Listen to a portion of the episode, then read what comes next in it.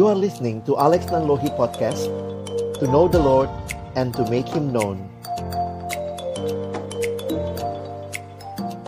narasumber kita pada malam hari ini yaitu uh, Bang Alex yang merupakan staf Perkantas Jakarta dan juga saat ini beliau sebagai uh, wakil sekjen ya Perkantas Indonesia. Dan sekiranya ini dapat menolong kita memberikan prinsip-prinsip dan ide apa yang bisa dilakukan dalam dalam masuk baru tahun ini. Baik, selamat malam Kak Rudi dan juga teman-teman sekalian dari saya dengar bukan hanya dari Palu tapi dari berbagai daerah yang bisa join malam hari ini. Ya, kita sama-sama bersyukur. Uh, mungkin harus ada yang lain mute dulu ya. Jadi supaya suaranya tidak bergema. Tolong yang belum mute, tolong di mute dulu.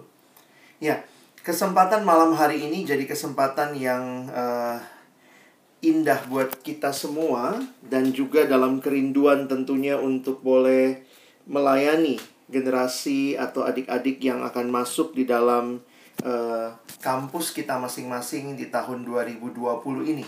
Satu situasi yang unik karena di dalam sejarah ini belum pernah terjadi di masa kita dan kita pun mungkin juga tidak ada yang sudah pengalaman berkaitan dengan situasi ini.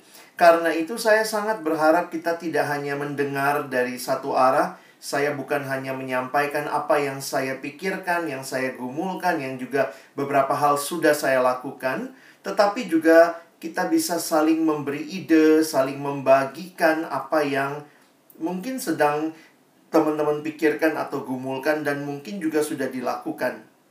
Dan saya pikir ini kesempatannya untuk sharing ketimbang hanya mendengar satu arah begitu ya.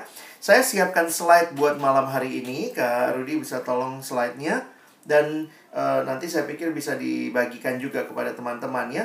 Nah, saya mulai dengan um, ya slide bisa tolong present uh, slide-nya seperti present biasa dulu.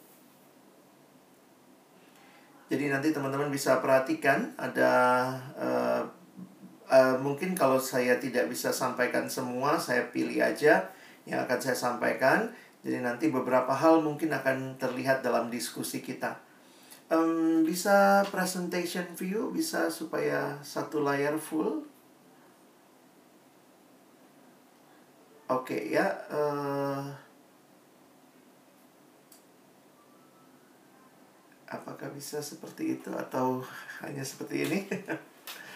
Baik, kita belum di saya belum terlihat presentation view.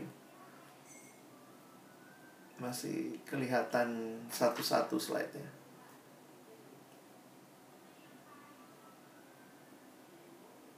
Oke. Okay.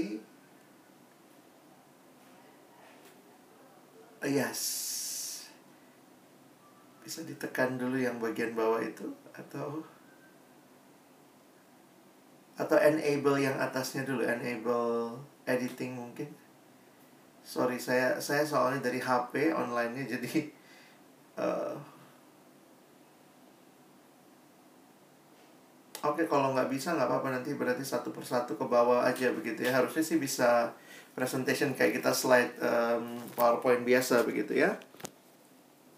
Ya, realita corona ini bukan hanya jadi satu realita uh, penyakit kesehatan, tetapi sudah menjadi realita dunia yang bagi saya ini satu hal yang karena jadi pandemi, teman-teman lihat ya bagaimana itu mencakup kehidupan secara umum, berpengaruh pada pendidikan, berpengaruh kepada ibadah, berpengaruh juga kepada uh, bahkan juga kehidupan sosial dengan banyaknya orang yang terdampak dan bahkan juga berpengaruh kepada politik begitu ya. Hal-hal yang unik saya pikir sekarang juga malah mau minta ganti kepala negara dan seterusnya hanya dengan corona ini begitu. Dan mungkin kita harus menyadari bahwa um, krisis itu terjadi di sepanjang kehidupan. Dan apa yang terjadi sekarang itu hanya menjadi satu hal yang begitu besar karena menjadi dampak yang besar sedunia begitu ya. Nah, eh, dalam situasi seperti ini, saya pikir bagi kita dalam pelayanan mahasiswa, saya ingin sharing beberapa hal yang penting untuk kita perhatikan untuk kelangsungan pelayanan kita. Nah, saya mulai dengan yang pertama, next slide. Eh, ini masih munculnya dalam bentuk seperti itu ya. Oke deh. Bisa tolong next Kak Rudi ke bawah. Jadi kalau teman-teman perhatikan, ini adalah sebuah keyakinan yang saya pikir harus kita miliki, ya. E, dengan jelas ada keyakinan bahwa kita harus terus memberitakan Injil. Hmm, sorry, apakah slide-nya masih mungkin untuk diperbaiki atau atau mungkin ada yang lain yang mungkin bisa share juga mungkin Kak Rudy bisa share slide-nya sama yang lain. Saya mengajak kita membuka 2 Timotius pasal yang keempat. 2 Timotius pasal yang keempat, teman-teman bisa perhatikan di dalam ayat yang kedua dan ayat yang kelima. Saya akan fokus membahas dua ayat ini saja sebagai pengantar bagi kita. 2 Timotius pasal yang keempat, ayat 2 dan ayat yang kelima. Sebenarnya saya sudah tulis semua ayatnya di screen. Bisa next.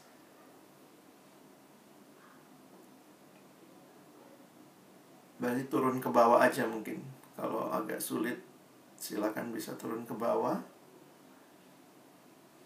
Uh, yang tampil itu seperti apa ya?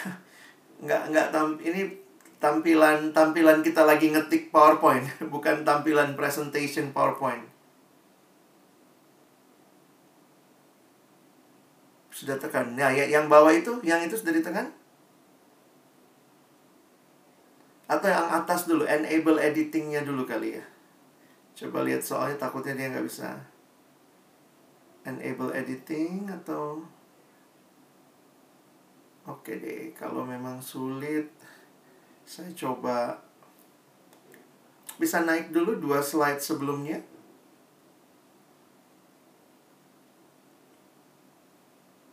Atau kalau mungkin ada teman-teman yang bisa menolong, nanti bisa tolong untuk share. Di chat room saya kirimkan link dari materi kita hari ini ya. Silakan mungkin kalau ada yang bisa juga mendownload dan mungkin lebih uh, ini ya. Soalnya ini melewati ayatnya bisa naik sedikit kalau bisa. Saya bacakan 2 Timotius pasal yang keempat, ayat 2 dan ayat yang kelima. Beritakanlah firman, siap sedialah baik atau tidak baik waktunya, Nyatakanlah apa yang salah, tegurlah dan nasihatilah dengan segala kesabaran dan pengajaran. Karena akan datang, sorry, langsung ke ayat 5. Tetapi, kuasailah dirimu dalam segala hal, sabarlah menderita, lakukanlah pekerjaan pemberita Injil dan tunaikanlah tugas pelayananmu. Nah, teman-teman yang dikasihi Tuhan, saya melihat di dalam dua ayat ini, kalau kita mengingat bahwa kitab 2 Timotius adalah kitab terakhir yang ditulis Rasul Paulus di dalam kehidupan dan pelayanannya, kalau kita melihat sesudah itu kemudian Rasul Paulus meninggal dunia atau dia martir dibunuh oleh Romawi dan sejarah gereja mencatat Paulus itu dipenggal ya. Dan kalau kita memperhatikan apa yang menjadi fokus Paulus di akhir daripada dia hidup kira-kira begitu ya kalau kamu punya adik rohani yang kamu tahu dialah yang akan melanjutkan pelayananmu sesudah kamu begitu dekat dengan hatimu, kamu tulis surat sama dia dan kamu tahu kamu akan mati, maka kira-kira saya membayangkan apa sih yang akan menjadi isi daripada surat yang akan saya sampaikan. Bagi saya menarik Paulus tidak menuliskan tentang Timotius nanti kalau saya mati jangan lupa ya uh, buatlah uh, apa tulisan di nisan saya seperti ini. Nanti kalau saya mati tolong ya ini yang harus kamu lakukan dalam kaitan mengingat akan saya. Tetapi perhatikan dalam surat terakhir. Ya, dalam surat terakhirnya terlihat dengan jelas Rasul Paulus fokusnya adalah kepada pemberitaan Injil. Sekali lagi, dia fokus kepada pemberitaan Injil.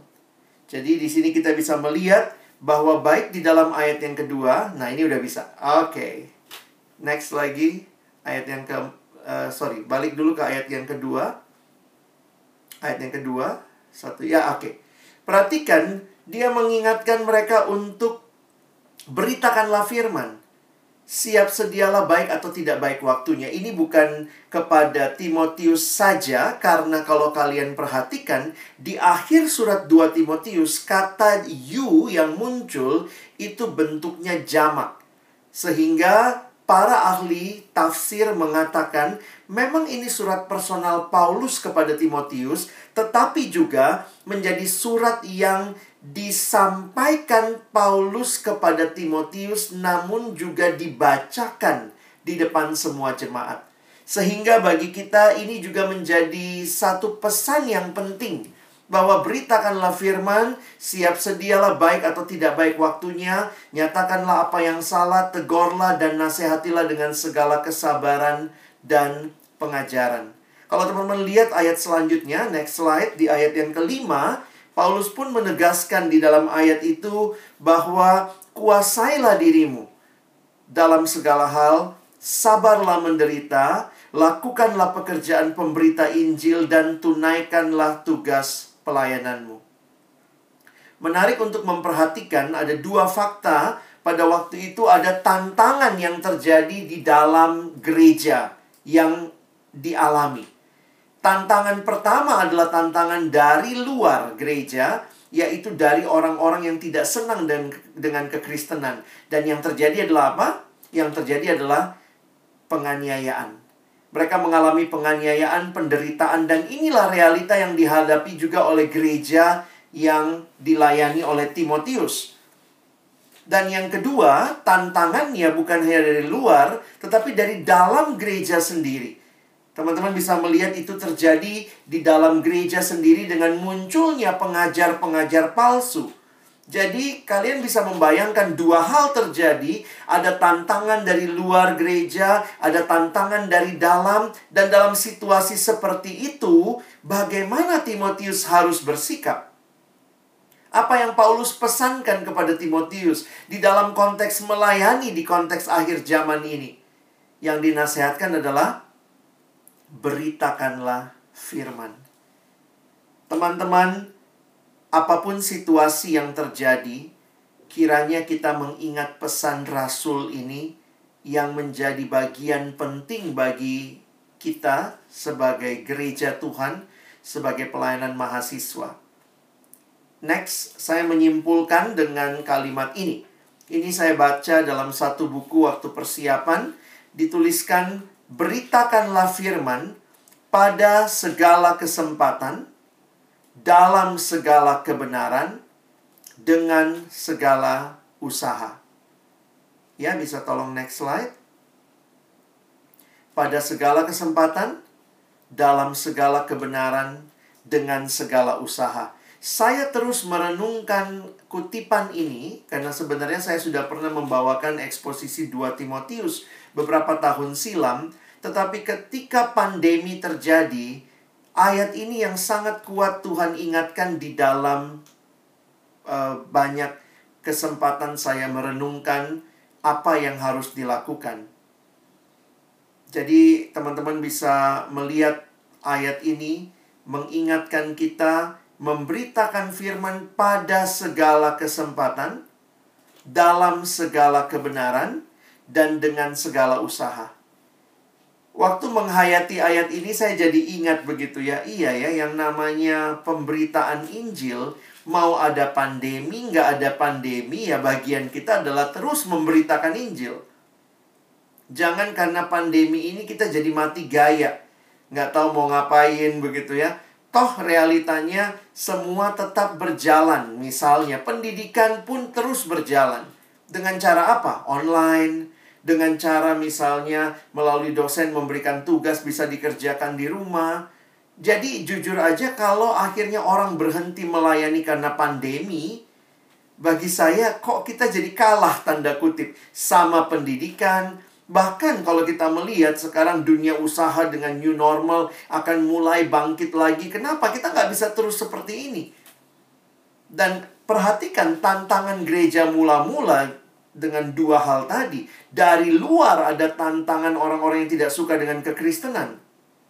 Kan harusnya Paulus kalau bikin surat bisa aja dia bilang begini Timotius, banyak banget, banyak sekali orang yang menentang kita. Tutuplah pelayanan itu. Pulanglah kampung dan tenanglah di sana. No. Tantangan yang kedua dari dalam ada ajaran sesat yang berusaha membelokkan ajaran yang benar. Tetapi tetap dalam suasana terjepit seperti itu situasi yang sulit, maka Timotius dipanggil untuk beritakanlah firman. Dan bukan hanya Timotius, karena surat ini dibacakan buat semua jemaat yang ada di Efesus di mana Timotius melayani.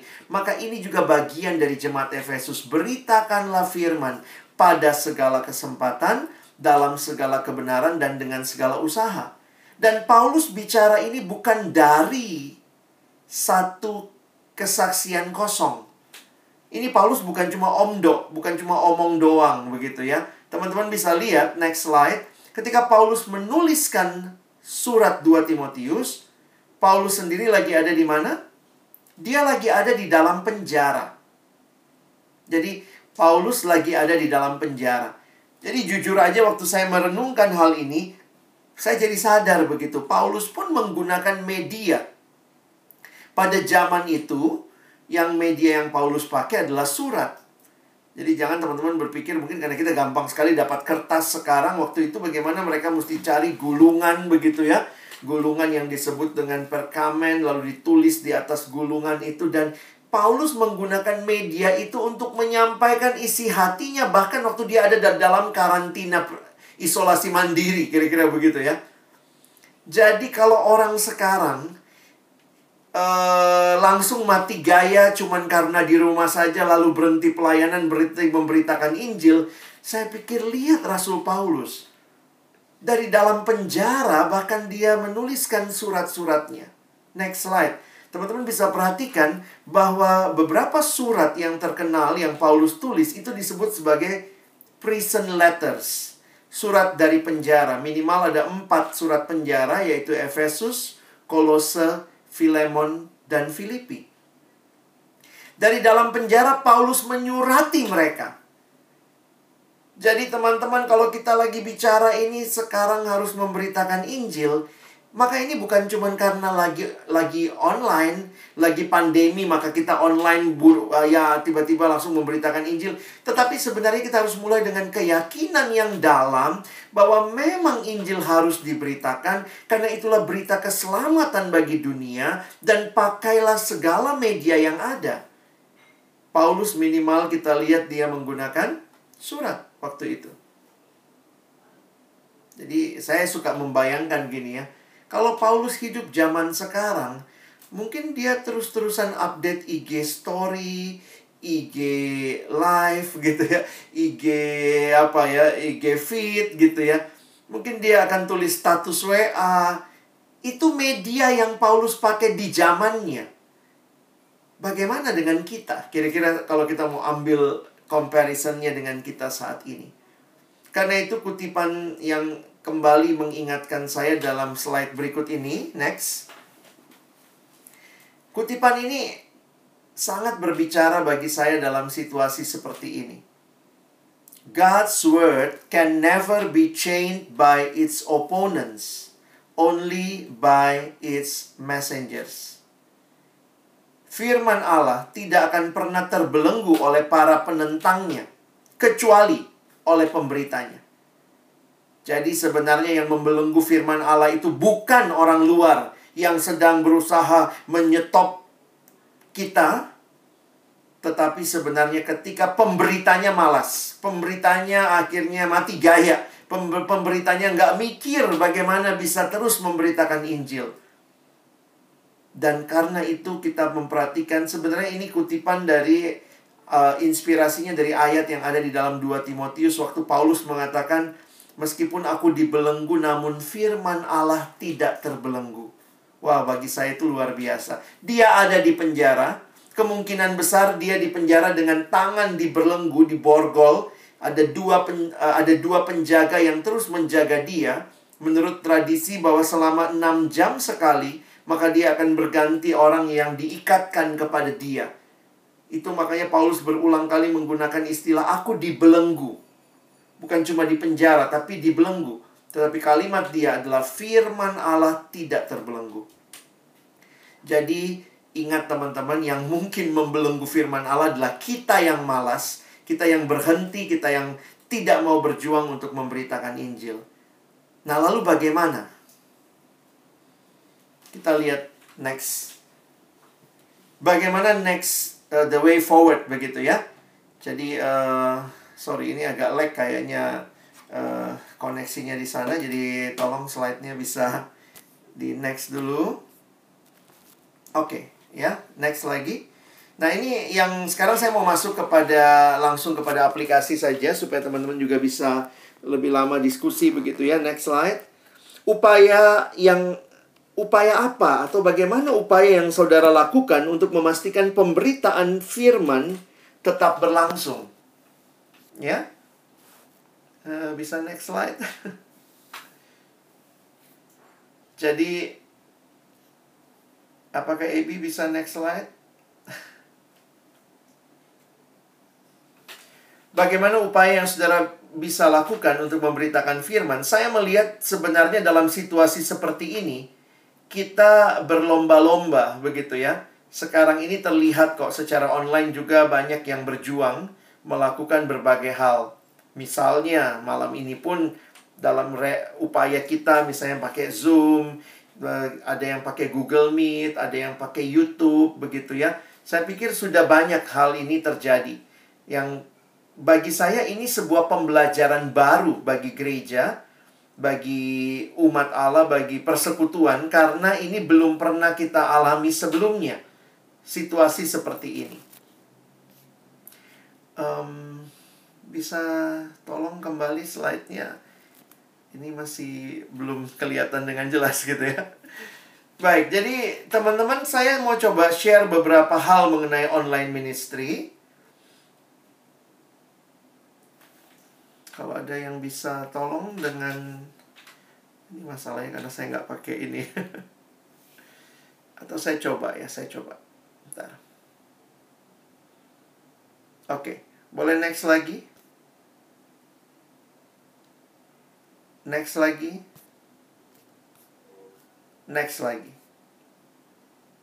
Jadi online ministry ini saya harus katakan kepada teman-teman harus dimulai dengan apa? Next slide. Yang tadi saya sharingkan. Harus dimulai dengan keyakinan, conviction. Jadi saya harap kita nggak seperti bebek gitu ya, ngekor. Orang pada bikin online, ayo bikin online. Tapi sebenarnya kita tidak punya keyakinan. Nah, karena itu tadi di bagian awal saya membahas lebih dahulu keyakinannya. Sadarkah kita bahwa Tuhan memanggil kita untuk memberitakan Injil pada segala kesempatan dengan segala kebenaran dengan segala usaha. Jadi, kalau kita punya kesadaran itu, maka saya pikir kita akan terdorong untuk benar-benar konsisten melakukan ini. Kenapa, teman-teman? Karena saya melihat kemungkinan kita akan seperti ini sampai beberapa bulan ke depan. Minimal untuk kampus-kampus besar, banyak yang menyatakan tidak akan ada kuliah tatap muka sampai akhir tahun. Jadi kalau demikian adanya, saya tidak tahu di daerah teman-teman, tapi please cek dengan pihak kampus. Rata-rata anak-anak sekolah pun, kalau kami yang melayani SMP, SMA, itu tidak ada pertemuan kelas offline. Mereka akan ketemunya online. Karena apa? Klaster yang paling mengerikan kalau ternyata terjadi uh, kelas offline adalah mungkin sekolah dan juga mungkin kampus. Makanya saya melihat uh, buat kita yang melayani di pelayanan mahasiswa juga harus bisa peka melihat apa yang terjadi, termasuk situasi yang ada. Nah, setelah kita bicara tentang keyakinan, nah malam ini saya mungkin nggak langsung kasih tipsnya apa yang harus dilakukan, tapi saya mau ngajak teman-teman mikir, apa sih yang perlu dibangun begitu ya? Kalaupun kita melakukan pelayanan online, pelayanan online-nya harus seperti apa? Nah, next slide. Saya mencoba memikirkan bahwa pelayanan online kita itu harus punya prinsip engagement. Nah, ini sebenarnya menarik juga ya. Ini kan istilahnya YouTuber sekarang ya. Jadi ada sedikit pergeseran pemahaman tentang uh, influence. Influence itu pengaruh. Nah, di masa yang lalu saya bicara ini karena karena kalau kita mau bicara pelayanan online, kita mesti lihat apa yang dilakukan oleh hal-hal online di sekitar kita. Misalnya saya ambil contoh uh, media sosial. Nah, media sosial itu ketika bicara influence, ketika bicara pengaruh, ternyata di masa yang lalu itu pengaruh ditentukan dari berapa banyak follower. Ya. Itu pengaruh ditentukan dari berapa banyak follower. Nah, belakangan ini fokusnya bukan follower lagi. Tetapi yang dilihat adalah yang disebut engagement. Nah, ini maksudnya apa? Sederhananya begini Sederhananya kalau kalian perhatikan bahwa mungkin followermu di YouTube misalnya, kamu punya follower uh, eh, 3000 begitu ya. Tetapi ketika misalnya kamu online, berapa banyak yang ikut menonton, yang ikut berinteraksi. Nah, itu yang disebut engagement. Dulu orang follower banyak itu kayak otomatis jadi terkenal, dianggap punya pengaruh. Tetapi sekarang mereka mencoba melihat lebih jauh sampai kepada engagement. Jadi ada keterlibatan yang lebih utuh, ada interaksi yang dalam sehingga bukan hanya share knowledge. Nah, saya coba melihat memang kita nggak lagi YouTubean, YouTubean ya, tapi kita juga nggak lagi uh, medsosan. Tetapi pelayanan online kiranya bukan cuma sekadar kita memberikan uh, jadi begini ya, saya melihat ada juga yang merasa begini. Ya, saya udah bikin podcast, saya udah bikin YouTube, ya udah anak-anak sudah ibadah. Nah, itu itu kita mesti pikirin engagementnya. Makanya ada satu kampus di Jakarta pernah kontak ke Alex kita untuk persekutuan minta pakai uh, Spotify-nya ke Alex katanya mau minta satu khotbah di situ kita mau angkat. Saya bilang oke okay, silahkan Terus saya tanya, sesudah mereka, jadi apa yang kamu lakukan? Ya hari Jumat kami bagiin link Spotify kakak. Dengan harapan semua dengar. Nah saya bilang engagementnya gimana? Apa yang kamu lakukan untuk memastikan orang dengar? Kalaupun dia nggak dengar saat itu, karena kan dibaginya Jumat gitu, tapi kadang-kadang Jumat siang itu di masa seperti ini ada yang masih kuliah online, dosennya belum selesai, ada yang tiba-tiba jam segini langsung, sementara mungkin khotbah saya cukup panjang.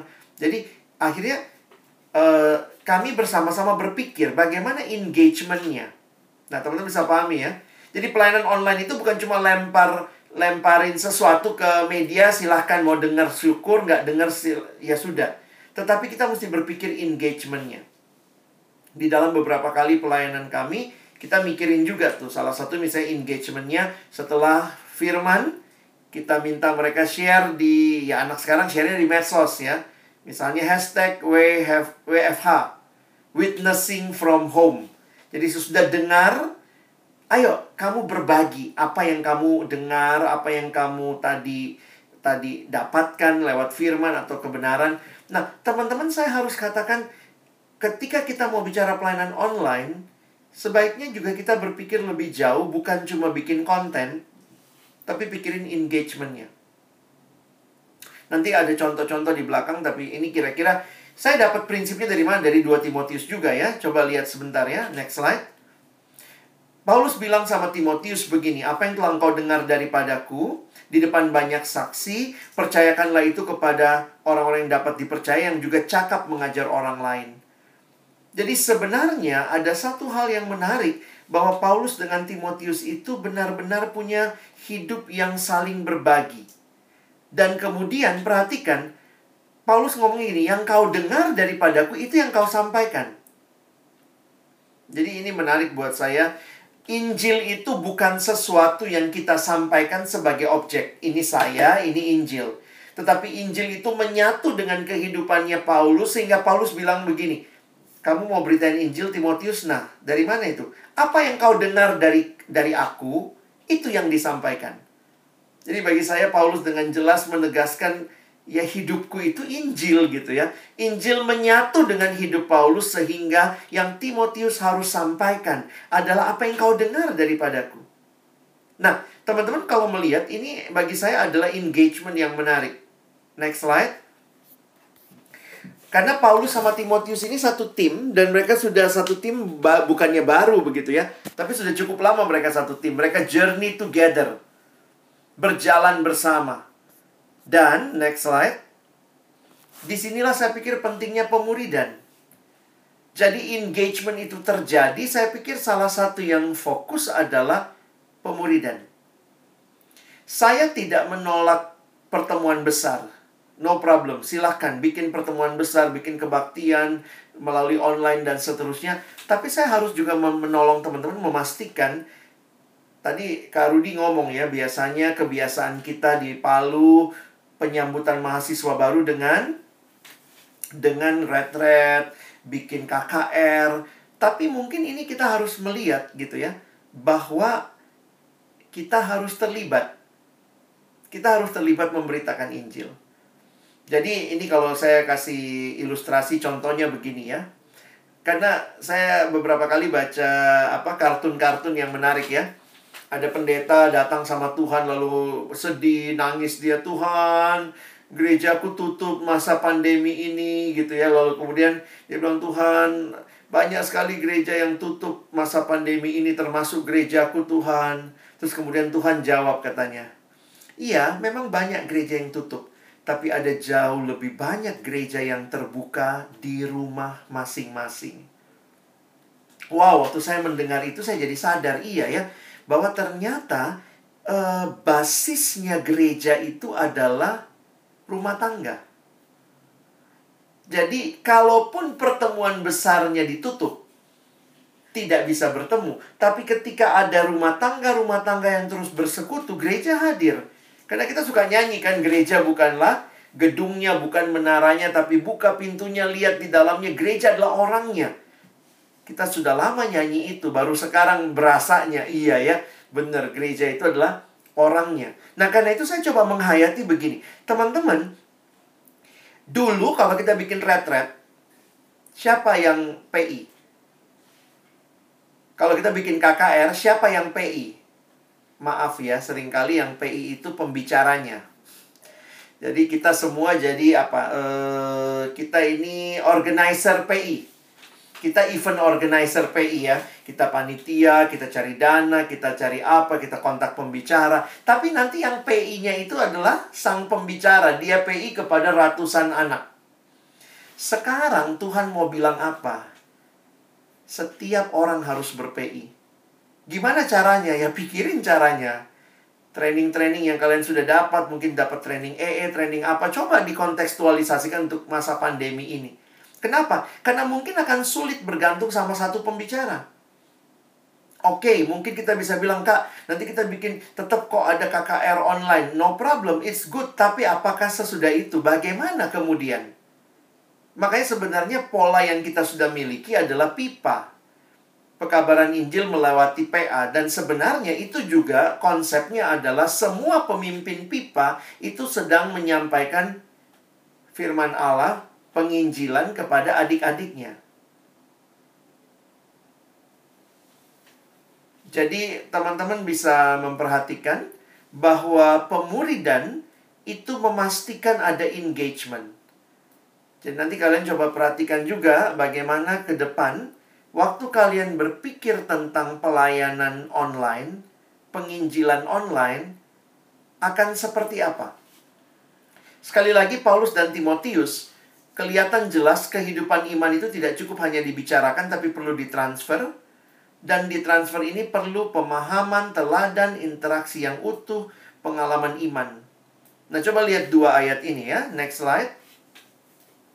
Paulus berkata kepada Timotius, "Tetapi engkau telah mengikuti ajaranku, cara hidupku, pendirianku, imanku, kesabaranku, kasihku, dan ketekunanku." Itu 2 Timotius 3 ayat 10. Kalian bisa lihat ada tujuhku di situ. Jadi ada interaksi yang dalam antara Paulus dengan Timotius. Nah, saya makin melihat kesempatan seperti ini kita harus meniru gereja mula-mula, pikirin bagaimana kelompok-kelompok yang lebih kecil ini bergerak dengan baik. Ya, jadi itu bisa kita pikirkan. Lalu nanti lanjut ke ayat 11. Engkau telah ikut menderita penganiayaan dan sengsara yang seperti yang telah kuderita di Antioquia dan di Iconium dan di Listra. Semua penganiayaan itu telah kuderita dan Tuhan telah melepaskan aku daripadanya.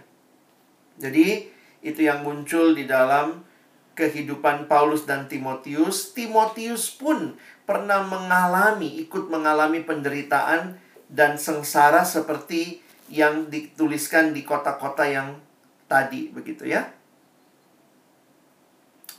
Oke, bisa lanjut lagi. Oke, sampai di sini mentoring personal ya, mentoring personal yang tadi. Next. Oke, sampai situ ya. Nah, teman-teman perhatikan prinsip penting dalam pelayanan online yang berikutnya. Jadi tadi kalau kalian lihat ya, saya sudah bicara mengenai keyakinan. Pelayanan online itu harus punya keyakinan dasar. Kenapa kita melakukannya? Dan kiranya itu didasari adalah firman Tuhan. Yang kedua, pelayanan online yang saya coba pikirkan, saya nggak kasih tips yang lain. Kalian bisa bisa belajar lah ya bagaimana bikin Facebook Live, bagaimana bikin YouTube Live. Yang saya ingatkan adalah pentingnya engagement jadi pentingnya engagement yang akhirnya waktu saya pikirkan dalam dalam konsep kita, pentingnya pemuridan. Pentingnya hal-hal yang tadinya kalian biasanya masal harus dipikirin yang lebih kecil. Karena itu saya pikir kita kesempatan nih belajar PI pribadi lebih kenceng. Harusnya begitu ya. Dan berikutnya perlu mentoring personal. Nah, mentoring personal ini sekali lagi mungkin kalian nanya, Kak, ini kan lagi social distancing, kita nggak bisa kita nggak bisa ketemu. Bagaimana mentoring personal? Ya pakai teknologi, ya. Jadi jujur aja saya kadang-kadang ngelihatnya gini orang suka melihat pelayanan digital itu yang penting dia sudah bikin sesuatu sudah dilempar ke pasar ya sudah sudah dilempar ke publik ke, net, ke, ke netizen tetapi dia lupa bahwa penting orang-orang yang mendengar itu di mentor jadi sebenarnya ini sebelah adalah proses pemuridan. Pastikan proses pemuridan tetap berjalan dengan baik. Nah, karena itu kalau kalian masih ngeluh-ngeluh, aduh online ini susah, online ini gini, lalu kemudian masih banyak yang nostalgia, aduh coba bisa ketemu langsung, coba bisa ketemu langsung. Saya coba draw the line untuk prinsip ya. Next slide. Saya tulis gini teman-teman saya makin menyadari pelayanan online itu tidak menggantikan pelayanan offline. Jadi saya lebih suka pakai prinsip tidak menggantikan, tetapi pelayanan online ini menambahkan. Kenapa? Karena nanti pun ke depan ketika kita sudah kembali misalnya bisa kebaktian offline, saya pikir online tetap menjadi sesuatu yang bisa terus dilakukan. Bahkan mungkin ini juga salah satu bentuk pelayanan ke depan. Karena itu jujur aja buat saya online tidak menggantikan yang offline. Kita kan suka ngomong gitu ya, iya ya nggak terga uh, kenapa sih harus begini sekarang? Nah, banyak orang yang mengeluh seolah-olah gini, kebaktian offline digantikan kebaktian online. Enggak, ini enggak menggantikan. Ada terlalu banyak hal yang offline bisa lakukan, tidak bisa dilakukan oleh online. Demikian juga, sekarang kalau kita mau coba angkat juga. Ada banyak hal yang online bisa lakukan, offline nggak bisa lakukan. Bayangkan loh, kebaktian bareng nih. Ada Manado, ada Manado lagi, ada Ambon, ada ada Toraja, ada Semarang. Ini gimana? Nggak mungkin offline kan? Nah, karena itu prinsip berikutnya. Next slide. Penting kita memaksimalkan kekuatan pelayanan online. Jadi jangan mikir apa yang online nggak bisa lakukan. Atau jangan bandingkan sama offline. Karena memang nggak itu nggak nggak apple to apple. Karena itu coba maksimalkan apa yang menjadi kekuatan pelayanan online. Contohnya apa? Saya ambil satu contoh singkat aja. Next slide. Tolong klik satu kali saya melihat pemuridan yang tadinya pertemuan per minggu untuk bahas bahan, sebenarnya dengan online bisa menjadi hal yang setiap hari. Jadi every week, jadi every day. Nah, ini sebenarnya poin saya adalah begini, bukannya setiap hari kelompok kecil, tapi setiap hari kita bisa membangun relasi dengan adik-adik yang kita layani. Nah, ini ini bagi saya kekuatan pelayanan online. Jadi, teman-teman tolong maksimalkan kekuatan pelayanan online. Nah, karena itu, nah ini saya sekarang mau masuk lebih teknis ya. Di dalam pemahaman pelayanan online, digital ministry, coba lihat gambaran berikut ini. Next. Teman-teman harus memastikan siapa audiensnya. Jadi, mesti selalu dimulai dengan memahami purpose and audience base. Siapa mereka pertimbangkan tujuan acara dan kesanggupan sesuai dengan jemaatnya seperti apa. Kita harus menyadari di daerah Indonesia Timur tidak semua sinyal bagus. Apakah perlu selalu semuanya live? Mungkin nggak juga. Nah, ada beberapa model. Nah, ini model-model yang coba para ahli coba klasif klasifikasi. Misalnya ada yang namanya pre-recorded model, direkam dulu sebelumnya. Nah, misalnya kemarin dengan teman-teman dari Perkantas Palu begitu ya, saya diminta merekam kebaktian ada ibadah, lalu direkam dulu lalu ditayangkan. Nah, sekarang yang lagi ngetop juga podcast. Itu hanya audio, ya. Nah, ada juga yang namanya close community meet model. Nah, ini dari media-media seperti yang kita pakai sekarang ada Zoom, ada Google Meet, ada Microsoft Teams, kita bisa pakai WA. Maksudnya itu close community ini bukan buat semua orang. Tapi ada orang-orang tertentu, nah mungkin kalian kan daftar, dikasih linknya dan seterusnya. Nah, ini menolong kita memang untuk pertemuan yang lebih tertutup. Ada juga yang open community meet model. Jadi bisa juga kita buka, siapa aja bisa join. Dan itu biasanya teman-teman juga bisa lihat kayak live show model melalui YouTube, IG Live, Facebook Live. Nah, itu siapa pun bisa dengar. Nah, karena ada berbagai jenis pelayanan digital, maka semuanya punya kelebihan dan kekurangan. Nah, contoh lihat aja ya, coba lihat next. Ini kelebihannya sebelah kiri, kelemahannya sebelah kanan. Misalnya pre-recorded model itu yang bisa dilakukan apa? Ceramah. Karena tidak perlu interaksi, diskusi, dan ini resikonya rendah. Maksudnya resikonya rendah apa? Kalau live, tiba-tiba live di YouTube lalu salah ngomong, jelek-jelekin agama lain, itu langsung ke record dan nggak bisa, kecuali kita hapus gitu ya.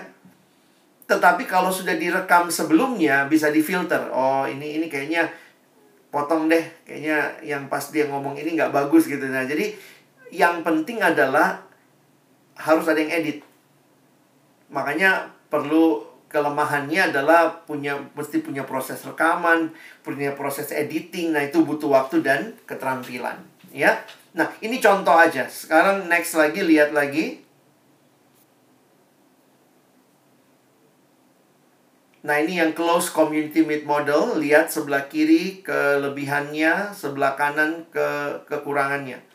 Nah, ini cocoknya untuk apa? Ya untuk ini kayak KTB, kelompok kecil begitu ya. Jadi poin saya begini loh. Jangan sampai salah pakai platform. Mau kelompok kecil terus pakai YouTube Live gitu. Ngapain kelompok kecil pakai YouTube Live? Emangnya seluruh dunia mau diajak kelompok kecil. Tapi bagaimana nih? Kadang-kadang kita bikin oke okay deh, bikin KKR, update di YouTube uh, diupload ke YouTube nanti semua orang bisa dengar. Tetapi ingat loh, kita mau engage dengan mereka. Teman-teman mesti mikir tuh. Makanya kalau kalian perhatikan kayak Zoom meeting yang berbayar itu ada breakout roomnya. Itu saya pikir dia mencoba membaca, kita mau dengar sesuatu bersama nih. Kita misalnya sekarang 40 orang nih, semua dengar saya ceramah. Tetapi kemudian sesudah itu mau masuk dalam kelompok. Maka Zoom memungkinkan itu. Jadi jujur aja untuk beberapa kampus ketika mereka bertanya di Jakarta konsultasi, Kak Alex kalau nanti ada kebaktian mahasiswa baru, bagusnya kami pakai apa? Saya bilang coba Zoom. Kenapa dengan Zoom habis kamu misalnya pertemuan kelompok besar bisa masuk ke kelompok yang lebih kecil. Nanti kelompok kita teman-teman kita breakout room ya selama 30 menit. Nanti sudah itu gabung lagi. Kenapa? Karena sekali lagi kita memang fokusnya untuk untuk engage juga, bukan cuma yang penting dia dengar firman saja. Kalau memang cuma dia mau dengar firman karena apa? Ada yang bilang, iya kak, kami kalau Zoom beberapa anak nggak punya aplikasinya di HP. Beberapa anak keberatan pakai Zoom. Lalu kemudian koneksi jelek. Nah, maka saya bilang, oke, okay, berarti jangan pakai Zoom. Mungkin pakai yang lain. Pakai YouTube misalnya. Yang penting ada rekaman khotbah di YouTube. Nanti kemudian kamu pikirkan cara engage-nya dengan mereka. Bagaimana memastikan mereka dengar? Apakah kita mendiskusikan pertanyaan-pertanyaan berkaitan dengan khotbah dan seterusnya? Nah, itu yang mesti kita pikirin sebagai pengurus-pengurus kampus. Next. Oke, okay, next lagi. Saya nggak usah bahas lah ya. Jadi ini semuanya plus minusnya kalian bisa lihat semua. Nah, termasuk next lagi. Teman-teman mesti bisa melihat kalau ternyata di daerahmu tidak semua orang punya akses online, maka kalian harus pikirin pembinaan offline. Jadi bisa jadi kita harus memilih nih, online, offline, atau kombinasinya. Jadi saya juga harus katakan kita kadang-kadang sangat online mikirnya padahal jangan lupa loh masih banyak orang yang susah akses. Nah, bagaimana kita berpikir buat mereka juga? Karena itu dibutuhkan apa? Next slide. Nah, kita butuh kreativitas nih. Nah, kreativitas itu apa? Waktu saya belajar kreativitas, ternyata kreativitas itu berhubungan dengan proses berpikir. Jadi nggak ada orang yang lahir langsung kreatif. Ada yang bilang, oh dia tuh kreatif tuh, dia suka nyanyi pakai gaya-gaya, dia anaknya sangat kreatif. Kreatif itu bukan bukan demikian adanya saja. Tetapi kreativitas berhubungan dengan proses berpikir. Jadi siapa yang mau mikir itu dia bisa kreatif. Next, ini definisi kreativitas. Kemampuan untuk membuat kombinasi yang baru berdasarkan data, informasi atau unsur-unsur yang ada.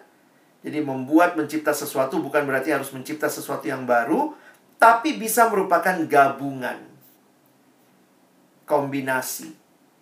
Jadi sebenarnya teman-teman kamu mesti tahu persis konteksmu, mahasiswa barumu kayak apa, kampusmu seperti apa, koneksi di daerahmu seperti apa, lalu pikir keras bagaimana nih saya kombinasi aja deh yang ini sama yang ini. Bagaimana kombinasinya dibuat dengan baik supaya tujuan tercapai. Next. Di dalam saat ini juga kan orang lagi belajar itu terjadi yang namanya ada yang namanya hybrid learning. Hybrid itu adalah kombinasi. Jadi online offline ada yang melakukan kombinasi seperti itu. Nah, itu uh, saya pikir adalah bagian dari hybrid learning, ya. Nah, saya masuk ke beberapa tips terakhir sebelum kita selesai, kita tanya jawab. Bisa next? Next lagi. Lanjut lagi. Next lagi. Nah, saya baca kalimat ini. If it doesn't challenge you, it doesn't change you. Mungkin kamu perlu untuk ditantang untuk berubah ya. Next. Nah, bagaimana penerimaan mahasiswa baru online?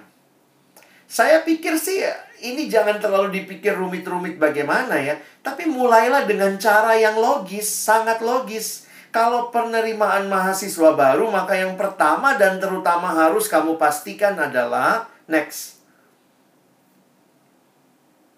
cari data mahasiswa baru yang Kristen. Itu kan, ya kamu mau gimana? Carilah data mahasiswa baru yang Kristen. Gimana caranya? Itu nggak usah masalah online offline ya. Coba kontak pihak kampus. Jadi ketika anak mahasiswa misalnya UI datang nanya, Kak gimana ya penyambutan mahasiswa baru online? Saya bilang, ingat kita di kampus organisasi resmi. Karena di tempat kami, kami masuk dalam organisasi di bawah rektorat. Saya bilang datang ke rektorat, tanya Lalu kita punya dosen yang menjadi pelindung lah kira-kira begitu. Saya bilang ngobrol sama bapak itu. Tanya, gimana pola penerimaan mahasiswa baru? Masih ada ospek nggak tahun ini? Karena selama ini biasanya kalau lagi ospek ada kebaktian di jam sholat. Nah, bagaimana itu? Kalau online, apa yang terjadi? Tanya sama kampus bagaimana pola ospeknya. Ngobrol sama BEM. Kalau masih susah juga, cari di kelas agama Kristen. Kalau ternyata nanti ada gitu ya. Lalu kalau ada di gereja, tanya siapa yang punya adik masuk kampus, masuk kuliah. Daftarin data, kita kumpulin. Jadi sebenarnya ini kan ini logis-logis aja lah ya. Namanya cari data. Dulu mungkin karena Waktu kebaktian semua kumpul yang Kristen kita langsung oh ini Kristen langsung tahu ya. Tanya relasi saudara sahabat sekarang siapa yang sudah dapat jalur undangan yang simak kan baru selesai gitu ya apa yang yang yang ujian masuk. Ini ada yang masih baru tapi ada yang udah jalur undangan siapa aja yang udah masuk. Tanya sama perkantas di daerah tanya sama adik-adik pelayanan siswa siapa yang akan kuliah dan dia kuliah ke mana. Harusnya kita bisa cari data dulu ya. Mau penyambutan mahasiswa baru mau pikir-pikir online mau pakai apa malah nggak cari data mahasiswanya. Di beberapa kampus di Jakarta itu kerjasama jadi misalnya ada faktor tanda kutip pemaksa. Jadi misalnya BEM-nya bilang kami tetap bikin ospek online. Oke ada jam kebaktiannya nggak? Oh ada. Ya udah nanti kami minta ya. Lalu diminta jadi tugas. Jadi misalnya tolong ringkas khotbah misalnya gitu ya. Itu jadi tugas ospek. Nah itu mungkin bisa jadi kombinasi. Tentu ini karena apa ya kita nggak tatap muka. Mau maksa juga susah maka kita mungkin menggunakan tanda kutip paksaan dari kampus dari sistem kampus silahkan teman-teman cari ya selanjutnya coba cari cara memperkenalkan PM kamu kepada mahasiswa baru. Misalnya ya, sekarang mungkin bisa dilakukan dengan membuat video singkat di IG, di YouTube, Facebook, TikTok kalau perlu gitu ya. Dan sertakan dengan kontak yang bisa dihubungi. Jadi saya ingin lihat juga tuh, kalian sungguh-sungguh mau nyambut orang nggak?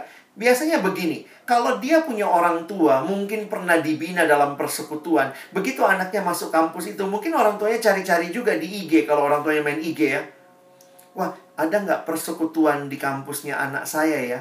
Nah, kalau dia lihat IG-mu lalu nggak ada juga perkenalan, selamat datang adik-adik, teman-teman. Silakan ya yang mahasiswa baru subscribe ya atau apa kek gitu ya. Saya pikir sih kita mesti punya cara memperkenalkan. Dan kita posting ke mana-mana, misalnya tanya ke gereja ini, oh iya ya ternyata banyak anak-anak yang masuk ke kampus kita dari tempat itu, kita lakukan gitu ya. Jadi jangan tunggu nanti dia daftar, nanti Tuhan Yesus kirim listnya siapa aja yang masuk ke kampus kita, nanti dia yang kenal persekutuan dengan sendirinya. Kita mesti cari cara. Nah, nanti kalau udah jalan, ini yang terakhir, next. Coba buat atau sederhanakan bahan pipa atau KTB sehingga itu jadi bahan yang bisa dipakai secara online. Jujur saja, pertemuan online ini agak berbeda dengan pertemuan offline. Yang mungkin membuat teman-teman harus membuat bahan baru, mungkin materinya sama, tapi bahannya dibaharui, sehingga bisa dipakai secara online, dan itu tidak membosankan. Rata-rata pertemuan online nggak panjang, nggak lama, maka kelompok-kelompok kecil yang online pun harusnya bisa nantinya memakai bahan-bahan yang lebih sederhana. Nah, siapa yang bikin bahan itu ya? Ayolah bikin sama-sama karena belum ada sebenarnya kita yang sudah pernah punya bahan seperti itu kan. Kami di Jakarta lagi coba buat.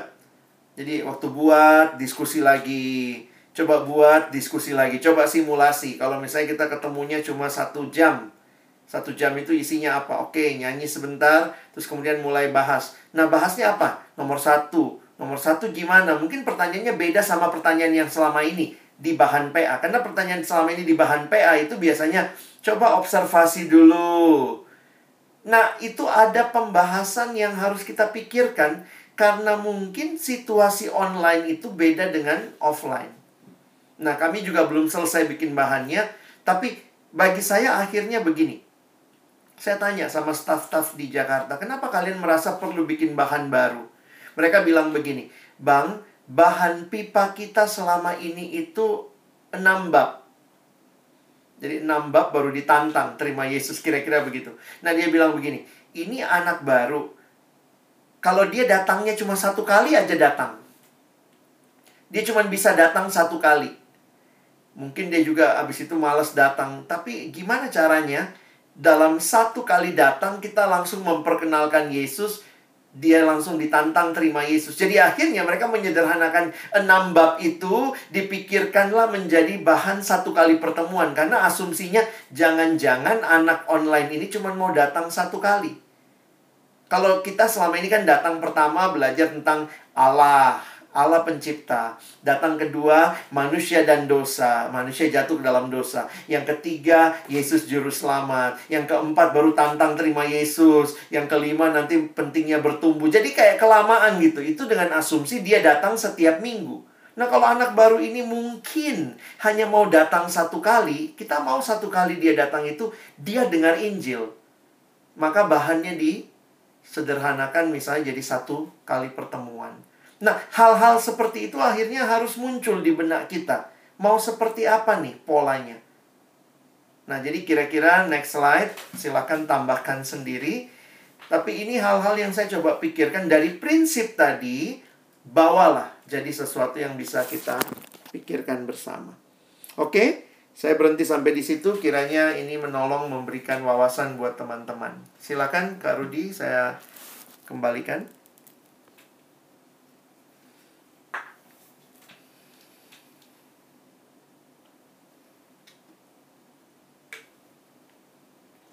Oke, terima kasih Kak Alex untuk materi yang boleh dibawakan bagi kita pada malam hari ini. Ya, pribadi pun uh, banyak hal yang boleh dibukakan, baik secara prinsip maupun uh, ide-ide. Ya, kiranya juga teman-teman demikian. Nah, teman-teman uh, mempersingkat waktu, kita langsung saja. Tidak ada 45 menit ke depan waktu kita untuk sharing dan diskusi. Jadi teman-teman boleh sharing ataupun mau bertanya, saya persilahkan. Adakah yang mau bertanya untuk uh, apa yang boleh kita dengarkan pada malam hari ini? Jadi boleh bertanya, uh, tidak perlu malu. Boleh secara langsung maupun boleh juga via chat, ya, bisa chat. Jadi sebelum uh, tanya dari nama dengan asal kampus, asal PMK-nya. Yes. Ada yang bertanya silakan saya buka uh, pertanyaan.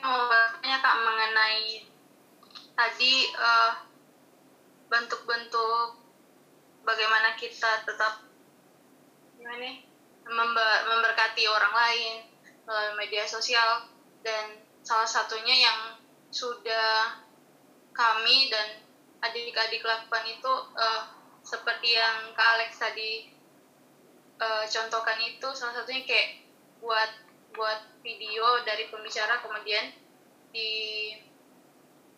di eh, di upload di YouTube gitu. Cuman memang di kesulitannya kami kami tidak tahu bagaimana eh, apakah semua eh, yang nonton itu apakah benar-benar nonton atau langsung skip skip gitu. Kita tidak tahu sampai eh, bagian itunya.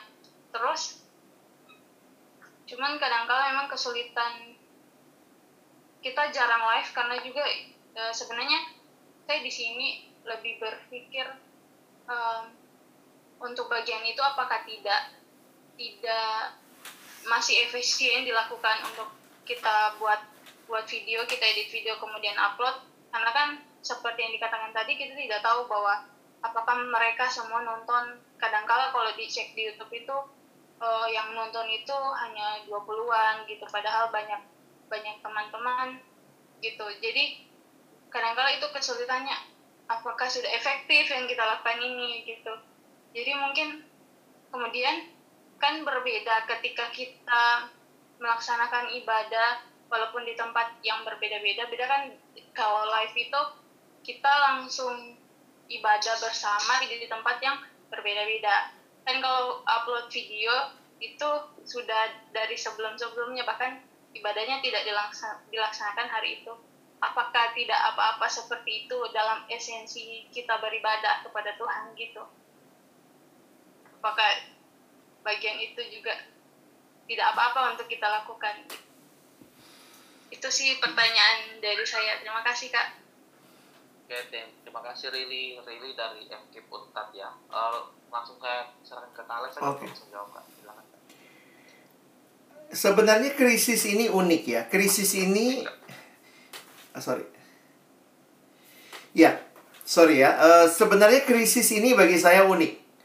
Karena krisis ini membuat kita melihat apa sih yang penting. Jadi banyak hal yang akhirnya kita lihat ya, iya ya. Ternyata yang paling penting adalah misalnya apa eh, firmannya begitu atau mungkin apanya gitu. Jadi saya saya jujur aja harus katakan untuk persekutuan mahasiswa dalam situasi seperti ini pun jadi semacam melihat lagi apa prioritas yang penting. Akhirnya saya melihatnya begini ya. Hmm, teman-teman boleh setuju boleh enggak. Saya saya juga belum banyak bicara di Jakarta tapi saya melihatnya begini. Mungkin kalau bicara ibadah bisa jadi itu tanda kutip sudah bagian gereja aja lah ya. Hari Minggu dia ikut ibadah online kah atau ibadah apa. Maka yang kita lakukan yang kita lakukan mungkin walaupun kita sebutnya itu ibadah, tapi kalau itu cuma modelnya di-upload di YouTube misalnya atau di IG atau di mana lah ya, kita harus menyadari bahwa mungkin prioritas kita bukan kepada banyaknya lagu, tetapi prioritas kita kepada isi firman pembinaan. Karena realitanya kalau orang mau mau lihat YouTube, apalagi itu misalnya PMK, mungkin dia mau tahu eh, ke- bu- bukannya bukannya nggak mau nyanyi, tetapi eh, fokusnya mungkin lebih baik diperbanyak di waktu pembahasan firman. Karena balik lagi kita agak sulit ya. Kita agak sulit memang eh, mem- Coba bayangkan begini. Kita biasanya nonton YouTube itu ngapain sih? Untuk fun, untuk ya seru-seruan. Tiba-tiba sekarang ibadahnya di situ. Bayangkan dari fun jadi ibadah. Itu ngeset pikiran aja sambil bener tadi yang uh, Rili bilang ya, siapa tahu pas dia lagi nonton uh, dia kasih cepat 15 detik, double tap, double tap untuk biar cepat maju begitu ya. Jadi akhirnya saya melihat memang itu tidak terelakkan tetapi tetap bukan berarti kita juga nggak usah bikin apa-apa. Tetap teman-teman lakukan, buatlah dengan baik. Tetapi mungkin kalau itu bentuknya YouTube, eh, fokusnya kepada isi konten hotbar saja. Kecuali kalau kalian lakukan close meeting, close meeting itu bagi saya karena di situ misalnya ada itu live semua ya, kayak Zoom ini. Oke, kita akan nyanyi lagu pertama, terus lagunya diputer, kita semua ibadah, terus semua nyalakan cam, kita bisa lihat mulutnya komat kamit. Nah, itu itu lebih menolong. Dan kita bisa lihat kan berapa yang datang dari eh, partisipannya. Tapi kalau YouTube dan seterusnya, saya jujur aja harus katakan eh, makanya kalian mesti lihat yang kalian upload ke YouTube itu apa. Kalau mau itu ibadah, maka teman-teman mesti punya persiapan ibadahnya. Persiapannya seperti apa? Saya melihatnya bisa jadi begini. Kekuatannya di kelompok kecil. Jadi bisa aja gini ya, kita janjian ya kelompok kita ibadahnya bersama-sama misalnya di jam berapa nanti kemudian kita bahas firmannya di pertemuan kelompok kecil kita. Itu bisa dilakukan oleh kelompok untuk memastikan orang dengar. Dan karena itu sudah direkam atau diuploadnya di waktu tertentu, maka nggak mesti juga sebenarnya ibadahnya semua di jam itu. Tapi kalau kita kelompok kecil misalnya berlima, aduh kita nggak bisa ibadah nih yang kemarin nggak ikut. Oke, mau nggak kita sepakat besok jam 3 kita ulang lagi ya ikut ibadah PMK yang di YouTube ya misalnya. Namun sesudah itu terus ada kelompok yang membahas yuk abis itu kita ketemu ya jam 8 malamnya ketemu membahas firmannya tadi siang. Jadi sebenarnya ada hal yang harus diusahakan lebih daripada sekadar hanya mengupload. Kira-kira begitu. Oke. Ya. Terima kasih Kak Alex. Kiranya boleh menjawab untuk pertanyaannya Rili ya. Ya. Ya, terima kasih. Eh, saya persilahkan lagi, saya buka lagi untuk pertanyaan untuk teman-teman yang lain.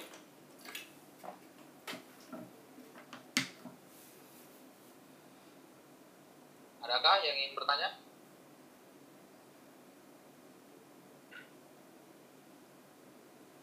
Nah, eh, sambil menunggu teman-teman yang lain, Hmm. eh, saya juga eh, tadi ketika apa namanya Kak Alex membawakan materi itu banyak hal yang uh, terpikirkan banyak hal yang uh, sebenarnya kita saya pikir kita perlu kembangkan khususnya di dalam pelayanan online.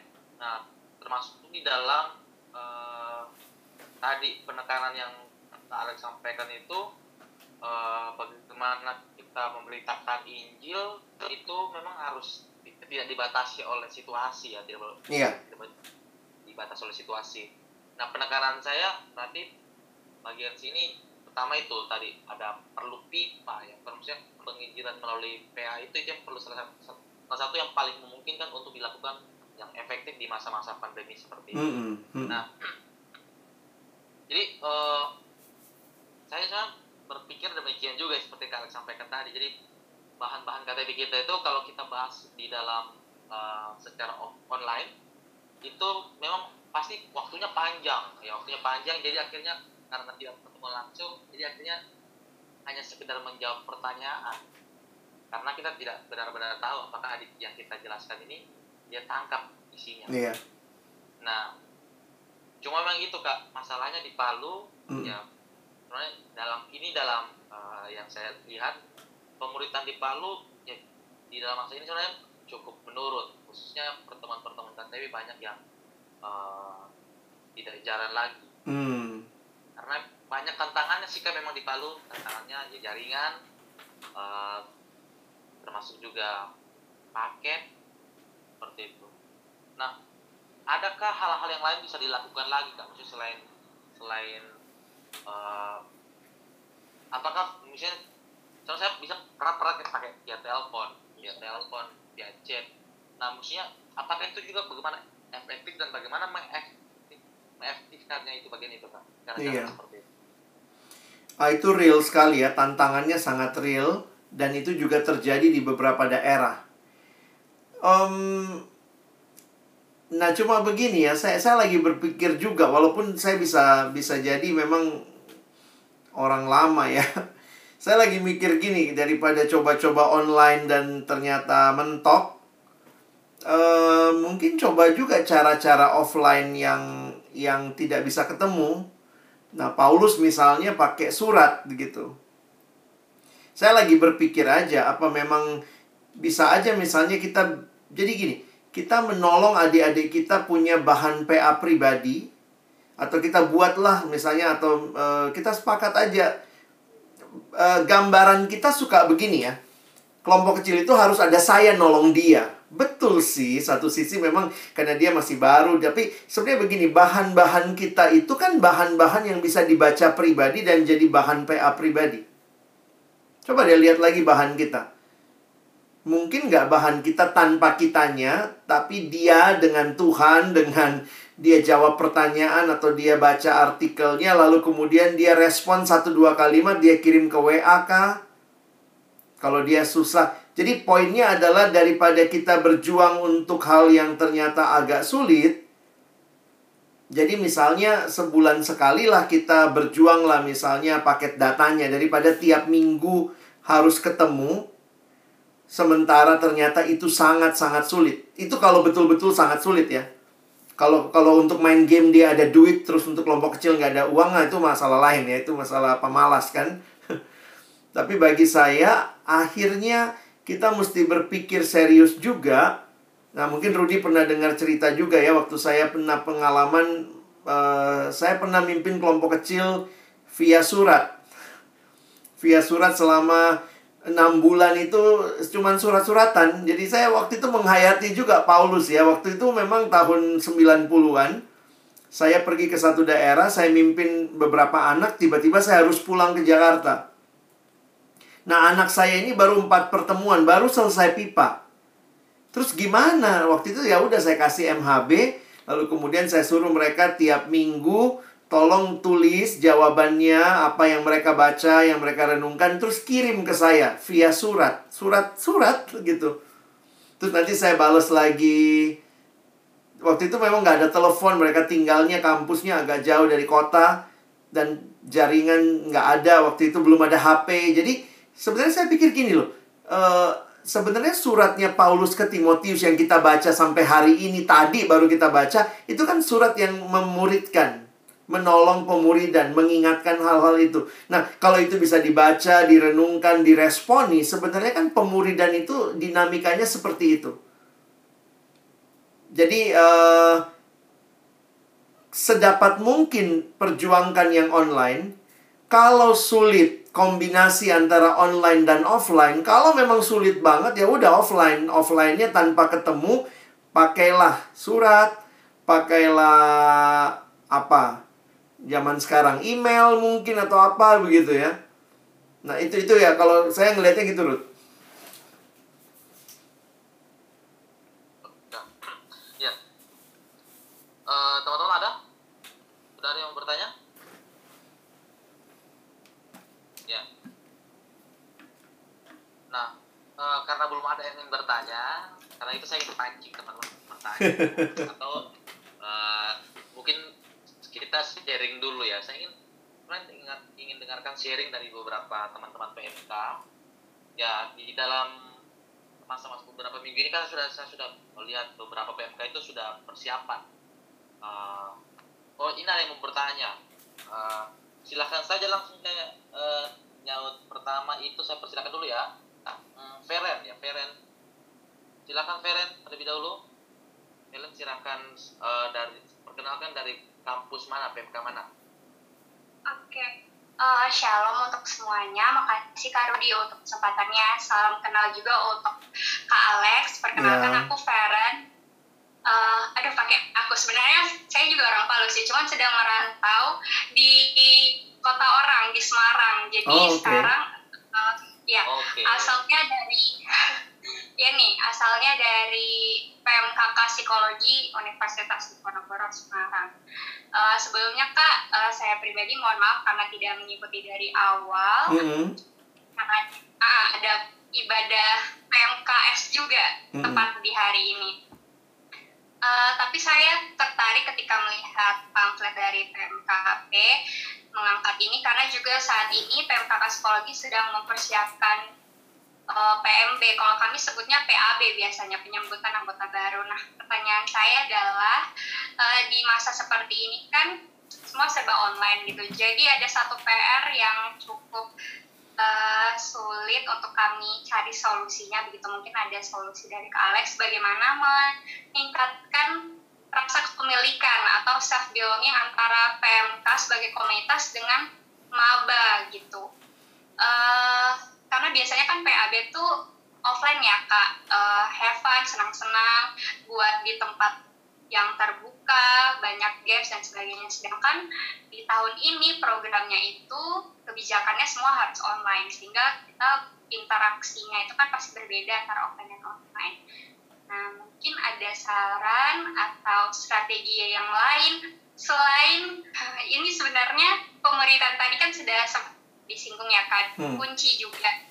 Tapi kondisinya adalah uh, eh, KTB di PMK psikologi itu masih merangkak dan uh, kondisinya juga PKTB itu masih sangat terbatas. Bahkan ketika kita meminta tolong kepada PMK Kota Semarang mereka juga keterbatasan PKTB gitu. Jadi fungsi dari PKTB kami sendiri ini kurang bisa kami optimalkan karena keterbatasan-keterbatasan nah, mungkin ada hmm.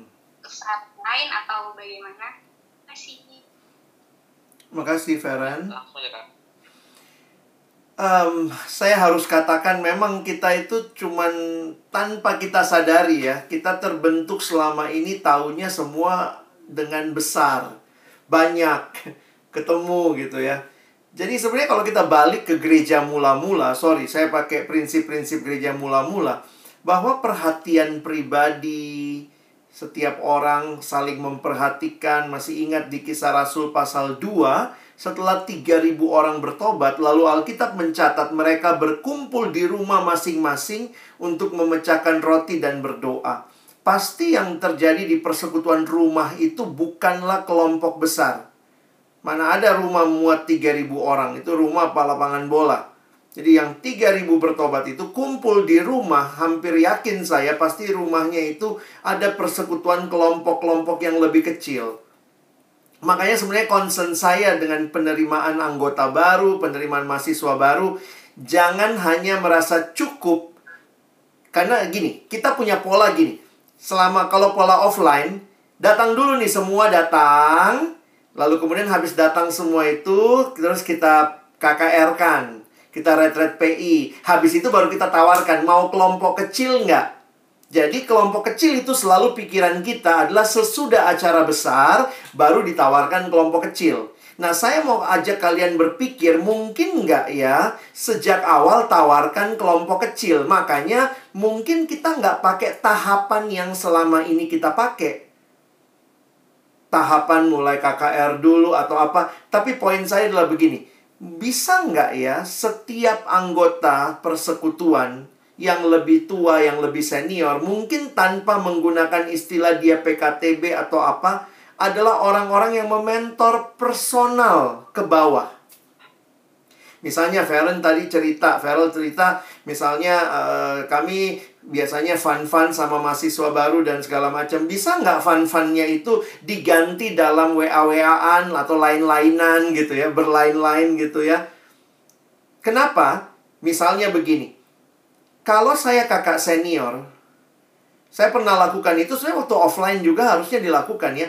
Jadi waktu itu kami pengurus 15 orang, anggota baru 150. 150 mahasiswa baru Kristen di kampus saya, kami pengurus 15. Maka saya meminta setiap pengurus perhatikan 10 orang misalnya. Waktu waktu itu memang perhatiin 10 orang karena kan 15 pengurus, anak baru 150. Jadi poinnya waktu itu memperhatikannya dengan apa? Saya mendoakan 10 orang di list doa saya dari jadi kita bagi-bagi, kamu perhatiin ini, ini ya. Lalu kemudian apa yang dilakukan? Saya doain. Saya ngajak persekutuan rutin tiap minggu. Saya tanya kabar dia. Nah, itu masa-masa belum ada HP belum ada online-online tapi ya kalau ketemu di kampus sempetin nanya kalau tahu kosannya kita datang ke kosannya sekali sebulan misalnya. Jadi satu semester itu setiap anak punya kakak asuh dari persekutuan yang memperhatikan mereka dan pemuridannya terjadi dalam pola seperti itu kali. Karena kan semua yang sudah yang biasa jadi pengurus kan sudah pernah menikmati KTB, maka mereka juga akan melakukan itu walaupun mungkin tidak dengan pola KTB. Nah, ini tapi ini akan sangat butuh perjuangan. Anak baru pasti mau ditanya apa? Gimana kuliahmu? E, minggu ini apa yang mau didoain ya, Dek? Jadi meningkatkan rasa kepemilikan justru saya melihat dalam situasi ini nih kesempatan banget nih anak persekutuan tunjukkan kita care, kita peduli, kita doain tiap minggu, kita kontak dia secara rutin. Jadi jangan berpikir uh, ya kalau memang nggak ada pemimpin KTP mau gimana? Mau minta dari langit nggak mungkin juga kan? Jadi uh, poin saya adalah mungkin kenapa saya angkat ini? Kita punya pola sebenarnya kita mesti meluaskan pikiran kita. Bagus sekali pola kelompok kecil. Saya pun melihat kelompok kecil itu yang utama. Tetapi kalau kelompok kecil tidak bisa terjadi, karena entah PKTB-nya nggak beres, maka lihat, Paulus ke Timotius itu pelayanan apa? Personal, bukan kelompok.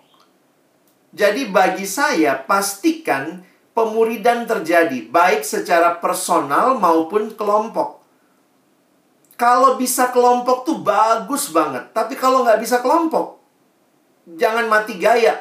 Aduh, nggak ada pemuridan. Kenapa nggak ada kelompok, nggak ada PKTB? Kalaupun nggak ada PKTB, ada nggak orang yang sudah menikmati dimuridkan dan ingin membagi hidupnya kepada anak baru? Kasih aja nomor HP satu anak baru, dia memuridkan secara personal.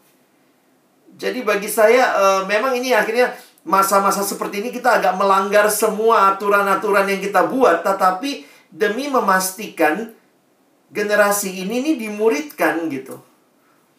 Jadi makanya kalau saya melihatnya sekarang agak berbeda nih. Bisa jadi dari awal begitu dapat data, begitu kalian dapat data anak baru, langsung kelompokkan. Langsung bikin grup WA, "Halo, saya kakak ini, saya saya akan menemani adik-adik satu semester ini ya. Kita jadi teman bareng ya. Jangan langsung bilang ikut kelompok kecil, bagaimana komitmen, mau nggak setia tiap minggu. Langsung aja bilang, saya mau nolong kamu nih seminggu ini, saya udah kuliah, mungkin ada beberapa buku saya, saya bisa gojekin atau gosen untuk kamu, karena saya udah pernah lewatin. Jadi jangan tunggu kebaktian dulu, habis kebaktian di KKR-in dulu, baru nanti bagi kelompok. Nanti so ikut setan dia. lebih cepat lebih baik. Kira-kira gitulah cara berpikir saya belakangan ini. Oke oke betul kak betul saya setuju. Ya langsung saja Mbak Petra bagaimana Petra? Ada pertanyaan? Apa yang mau ditanyakan silakan. Ah, terima kasih kak. Sama-sama. Petra dari mana? Jadi Petra uh, dari mana? uh, halo kak Alex. Uh, perkenalkan nama saya Petra Kencem. Uh, sebelumnya apakah uh, suara Petra jelas kak? Jelas. Oh ya jelas Pak. Fotonya Oh, juga ya, Terima jelas. kasih. Nah, uh, sebelumnya perkenalkan nama saya Petra Kencem. Saya dari PMK Tondano dari Sulawesi Utara. Iya. Uh,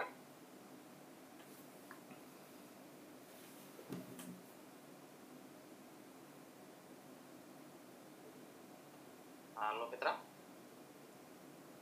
Sinyal mungkin.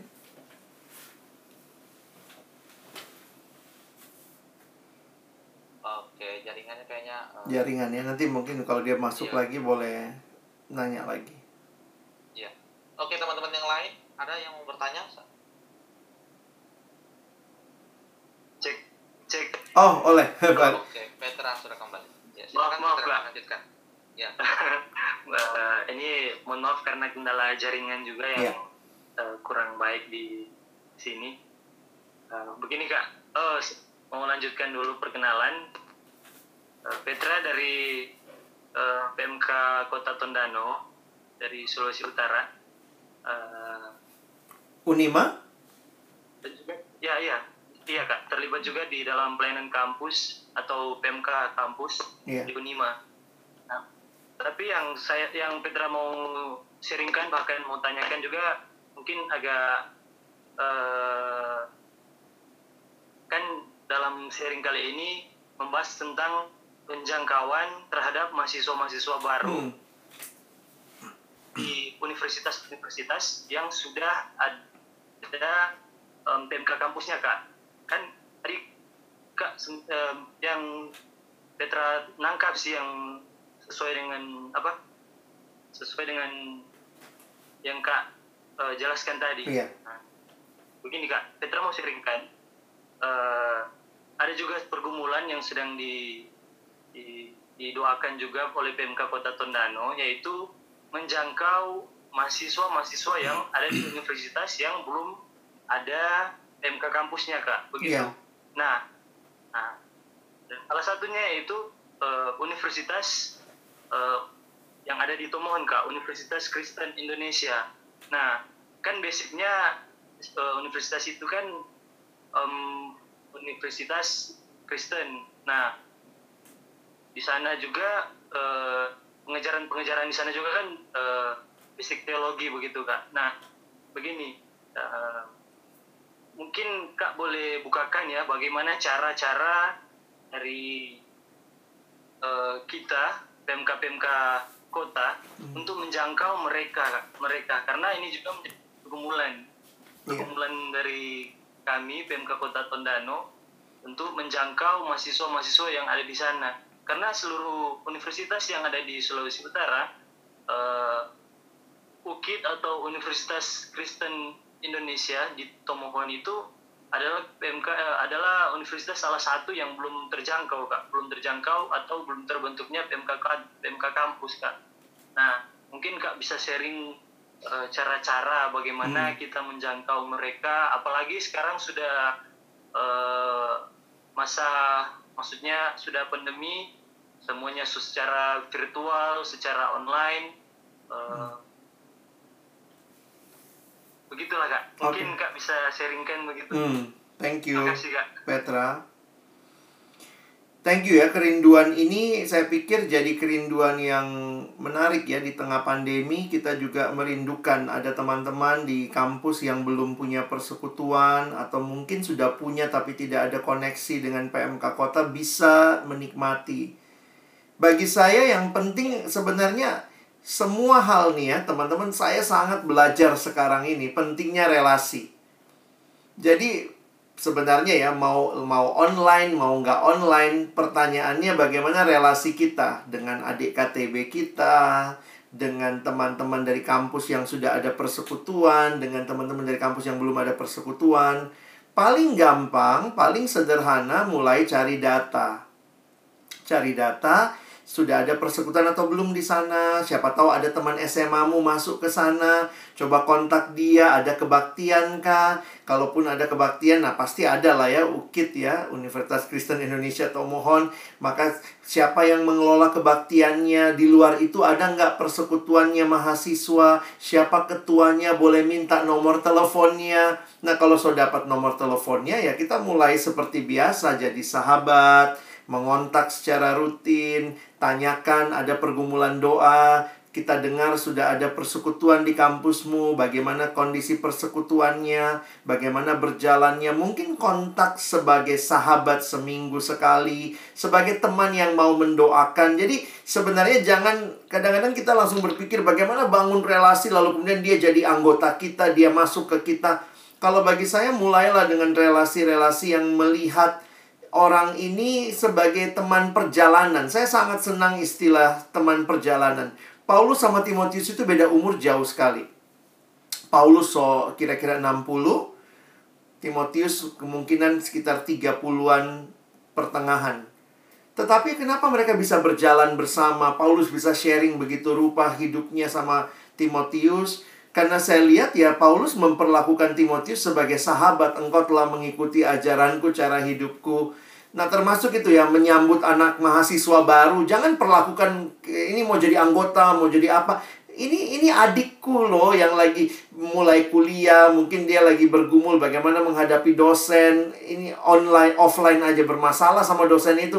Kalau online bagaimana bagaimana menolong dia belajar. Mungkin kita bisa masuk bukan hanya hal-hal rohani. Ajarin mungkin kalkulus satu, ajarin misalnya pengantar ekonomi. Saya pikir ini kesempatan online itu lagi banyak banget kesempatan buat itu. Nah, lalu ke depan, kalau mungkin teman-teman yang PMK Tondano bikin acara misalnya, ya bisa kasih link sama mereka. Eh, kita ada acara loh, semua kampus terlibat mau ikut nggak? Jadi sebenarnya mulai dengan persahabatan. Dan memang menarik ya ini generasi kalian kalau saya lihat eh, deket ya bisa temenan di medsos tapi nggak pernah ngobrol sih ya. Jadi gitu kali ya. Nah ini kesempatan ayo belajar jadi manusia yang seutuhnya gitu. Online pun bisa dipakai untuk bersahabat. Saya kasih cerita satu ya saya juga kan bergumul gitu ya. Gimana nih sudah makin tua masih melayani siswa mahasiswa dan kemudian Tuhan kasih sahabat lah ya. Ada satu sahabat dari mahasiswa. Dia mahasiswa tingkat akhir. Apa yang terjadi ya udah uh, saya waktu awalnya juga berpikir gini, gimana ya tanda kutip sahabatan dia lihat saya sudah kayak mungkin saya bisa jadi bapaknya kali ya atau omnya gitu ya, adik bapaknya. Tapi kemudian eh, saya beberapa kali kontak dia, ngobrol, nyambung. Lalu kemudian yang saya lakukan sampai hari ini, Hampir tiap hari saya akan WA dia, ucapkan selamat pagi, tanya apa pokok doanya. Minimal seminggu sekali saya akan tanya apa pokok doanya. dan kemudian dia jawab, dia tanya juga abang pokok doanya apa. Jadi saya membangun persahabatan dengan dia.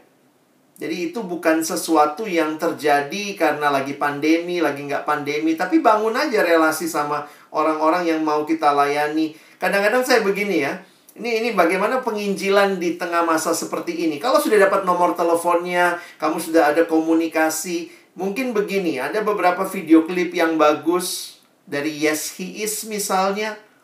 Terus kamu bisa aja bilang gini, eh, eh aku aku lagi nonton satu video klip bagus ba bagus banget gitu.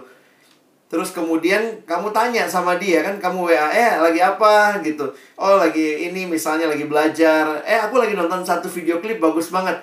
Boleh nggak aku sharing sama kamu? Boleh kan kita begitu ya? Nah mungkin kalau dia bilang, iya iya kak boleh.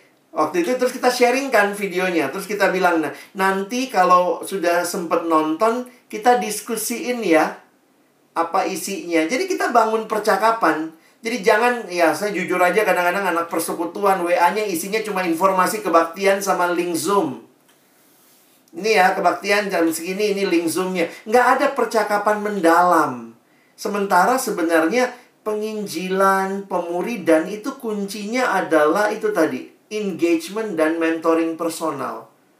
Nah, kalau semua anggota persekutuan yang sudah menikmati melakukan itu, saya pikir sih anak baru akan terjangkau gitu ya, akan dan relasi-relasi baru dengan kampus dan segala macam akan terjadi dengan anugerah Tuhan.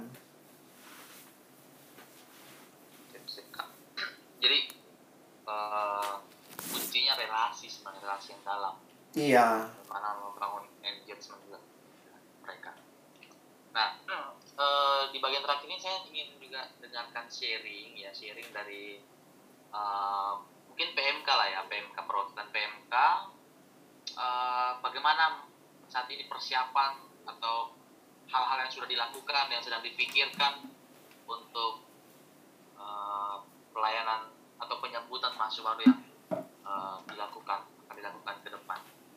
Nah, uh, saya mungkin minta dua PMK boleh sharing untuk uh, tentang persiapan yang sedang dilakukan ataupun mungkin sudah terpikirkan konsep atau hal yang mau dilakukan bentuknya bagaimana mungkin bisa sharingkan. Ya silakan, saya uh, persilakan. Ada yang mau sharing? Kalau uh, tidak ada yang sharing, saya akan tunjuk dari PMK mana.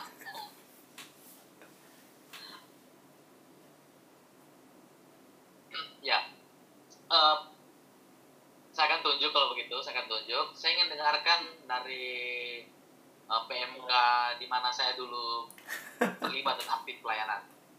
PMK kampus yaitu UPMKIP ya UPMKIP itu dari FKIP Untar saya ingin dengarkan bagaimana uh, persiapan dan yang dilakukan dan termasuk juga melalui pembinaan kita atau pertemuan kita malam hari ini apa yang bisa didapatkan? Mungkin seperti itu. Siapa dari teman-teman FKIP yang mau mewakili. Menguruskah atau ada perwakilan panitia juga yang ikut dalam pertemuan ini?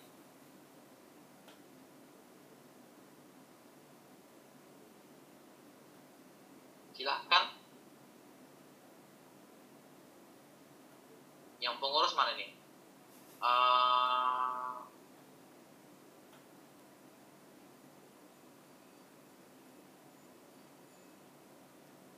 halo teman-teman FKIP sini saya lihat ada Silmiati ada hmm,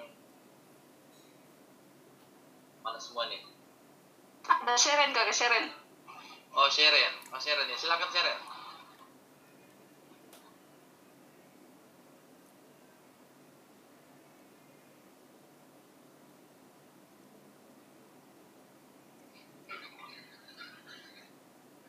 Shalom, selamat malam.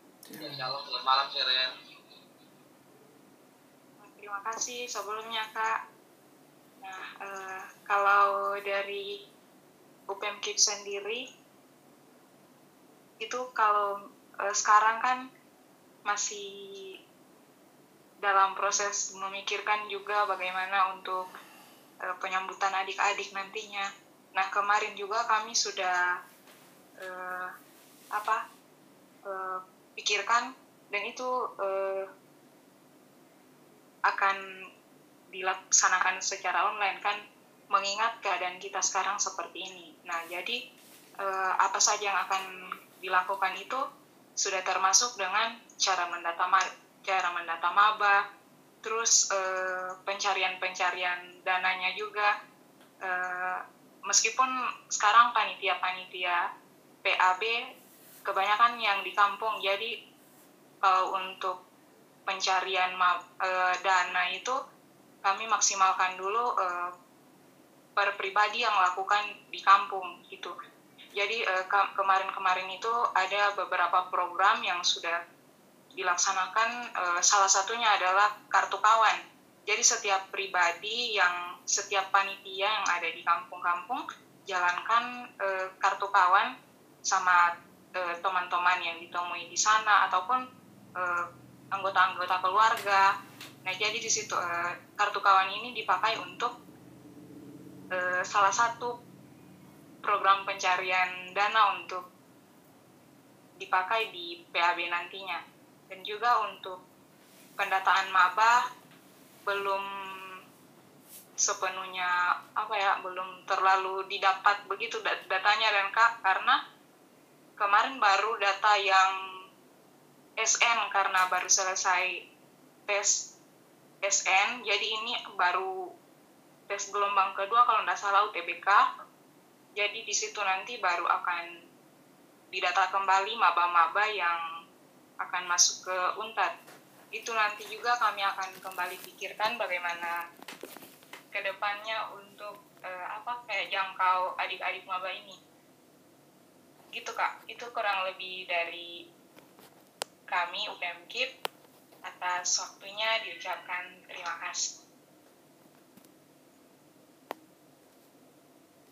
Kak kak saya Rili kak. Mau tambahkan sedikit? Oh ya silakan Rili iya.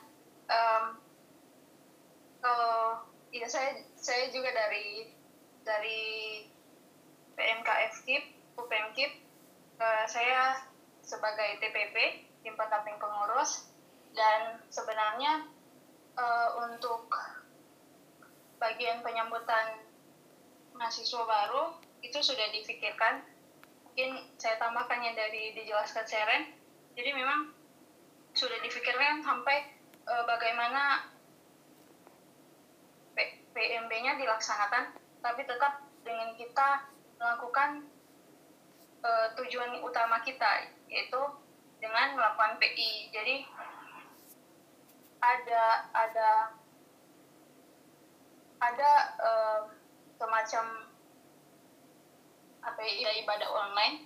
Jadi ibadah online itu juga berisi tentang materi-materi uh, PI. Namun setelah dari itu tidak tidak nanti di follow up dengan PI pribadi gitu jadi mungkin tadi ada yang di-sharingkan tentang dari Kak Alex itu um, jadi satu pemikiran baru bagi kami karena uh, semacam itu yang akan kami lakukan. Kami melakukan ibadah kemudian akan di follow up dengan melakukan PI jadi PI-nya itu karena kami tahu bahwa bahwa adik-adik banyak yang juga kesulitan dengan jaringan kemungkinan kami PI melalui via telepon gitu.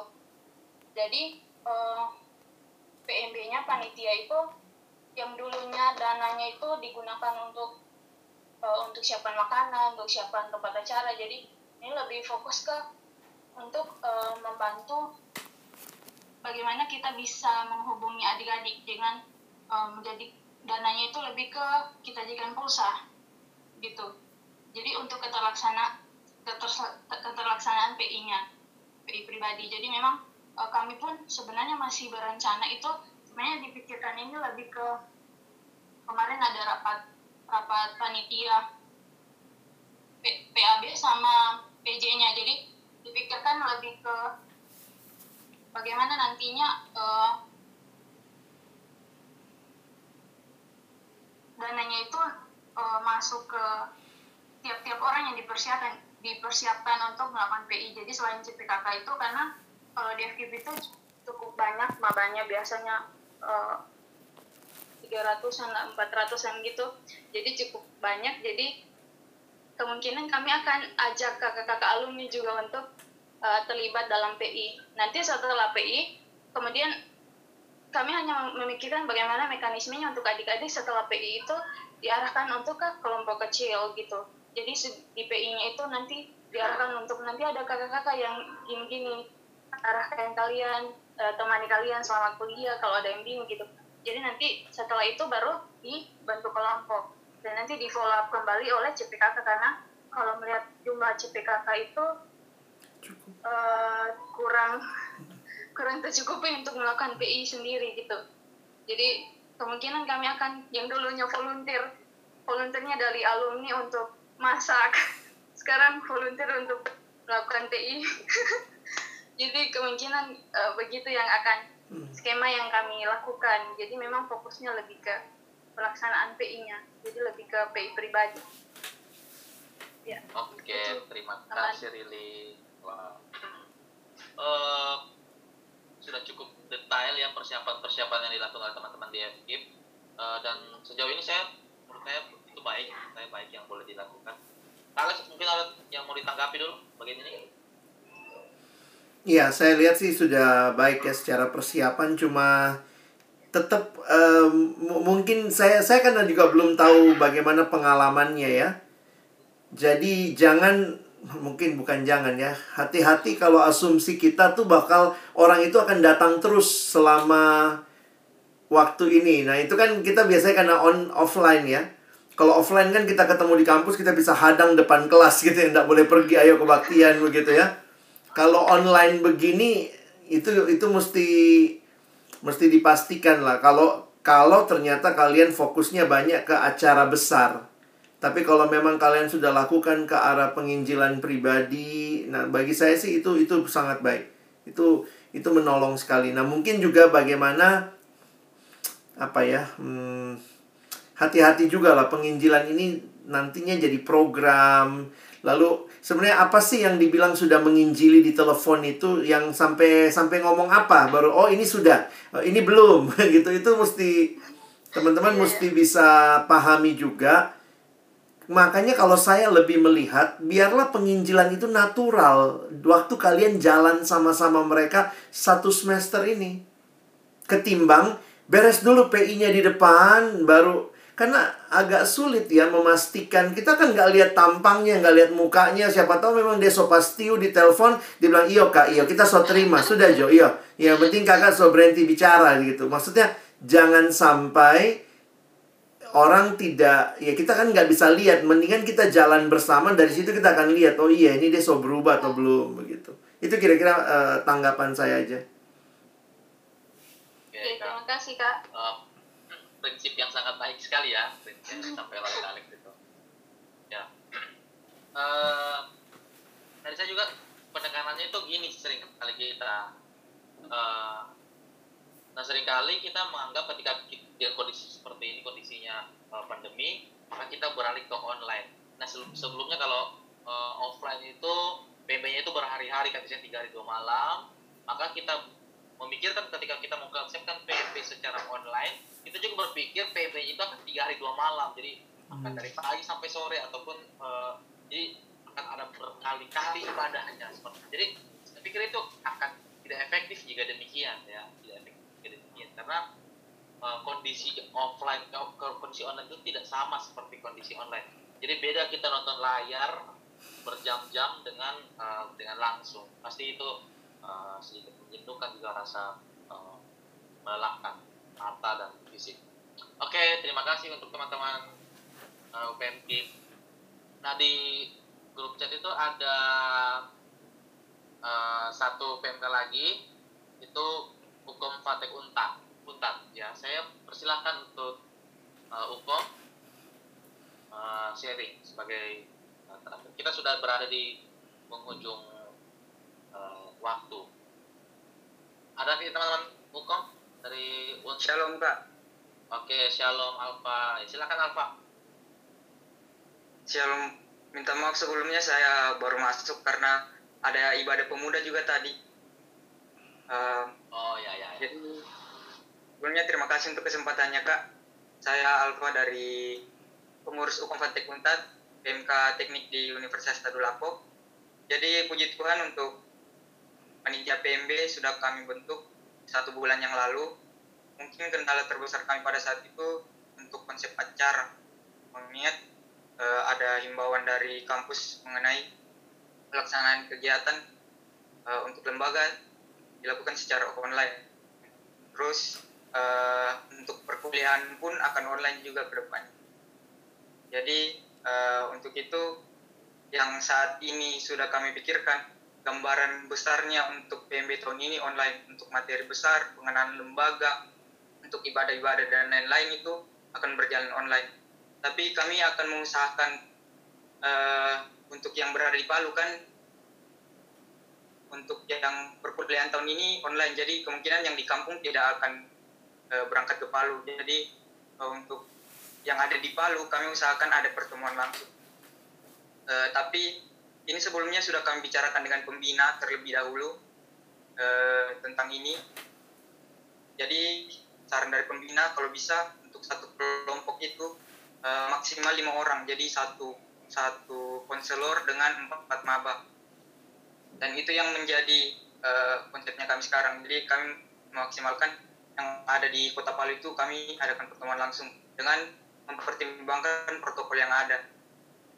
Uh, kalau dari kita sendiri juga yang masih kita pikirkan sekarang uh, mungkin ini pertanyaan juga untuk Kak Alex uh, untuk penantangan kan di PMB nanti setiap tahun kita adakan penantangan untuk mahasiswa baru.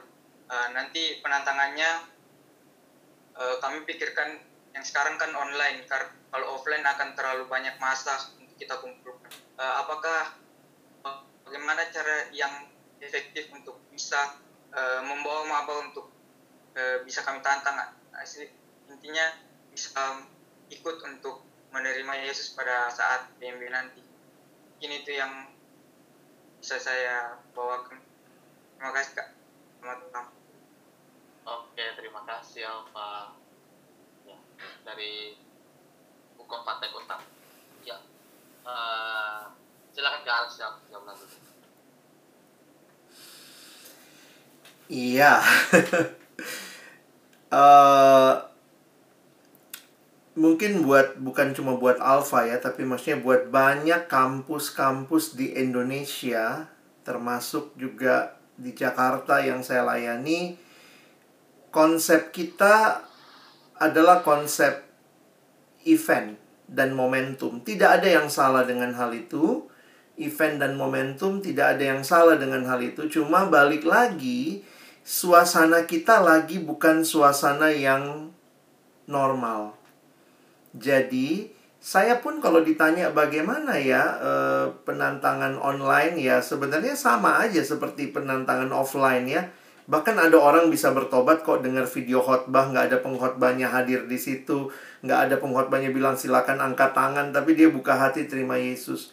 Nah, jadi kalau saya melihatnya bahwa mungkin itu bisa dilakukan, mungkin nanti konsultasi sama ini ya, siapa yang jadi pembicaranya, lalu balik lagi kalian mau pakai platform apa, lalu bagaimana orang yang bertobat itu ditantang, lalu dia meresponi tantangan, nah engagementnya yang perlu dipikirin. Nah itu yang bagi saya nggak mudah, karena itu saya saya melihat sekali lagi kalau kalian tangkap beban saya dari awal tadi, saya agak menghindari kita hanya melakukan segala sesuatu satu kali dalam sebuah event. Atau kita mengikuti pola kita yang lama yang mungkin kayak PI-nya panjang padahal waktunya belum tentu anak ini mau datang terus nih. Nah, jadi saya jujur aja mengatakan engagement itu perlu, bangun relasi itu lebih perlu daripada bikin sebuah acara yang 300 datang sesudah itu nggak ada satupun yang deket sama pengurus begitu. Saya lebih berpikir ada ada engagement dengan orang-orang tertentu yang sejak awal kalau bisa ditetapkan jadi mentor. Poin saya adalah bisa jadi kamu tidak tahu tentang pertobatan dia di awal karena memang juga suasananya virtual, dia pun penantangannya kayak tadi ya bisa aja lewat telepon biar biar cepat selesai. Apalagi anak-anak baru, ya kakaknya ngomong iya kak, iya kak sudah terima. Kita nggak meragukan ada yang pasti terima Yesus, tetapi juga lebih baik kita membawa dia dalam perjalanan bersama dengan kita satu semester dan dalam perjalanan itu nanti kita terus menginjili dia, terus lihat bagaimana respon dia dan akhirnya kita jadi jadi yakin bahkan lebih yakin daripada uh, ya kadang-kadang tanpa kita sadari kita maunya angka. Karena itu kan muncul dalam program kerja. Uh, 30% mahasiswa baru terima Yesus atau 70% terima Yesus. Jadi kita akhirnya uh, ya udah ya, terima nggak? Terima nggak? Jadi kayaknya kita hitung angka. Nah saya melihat kalau ke depan kita dalam pola pelayanan yang lebih relasional maka mungkin penekanan kita bukan pada event tetapi pada perjalanan bersama sebagai sebuah relasi antara pemimpin dan yang dipimpin atau kalaupun tidak ada kelompok relasi mentor dengan yang dimentoring Kira-kira sih seperti itu. Oke. Ya, uh, saya pikir jelas ya yang disampaikan oleh Kak Alex tadi, poin-poinnya, penekanan-penekanannya, prinsip-prinsip yang harus uh, di, dapat dilakukan di dalam penjangkauan maba tahun ini.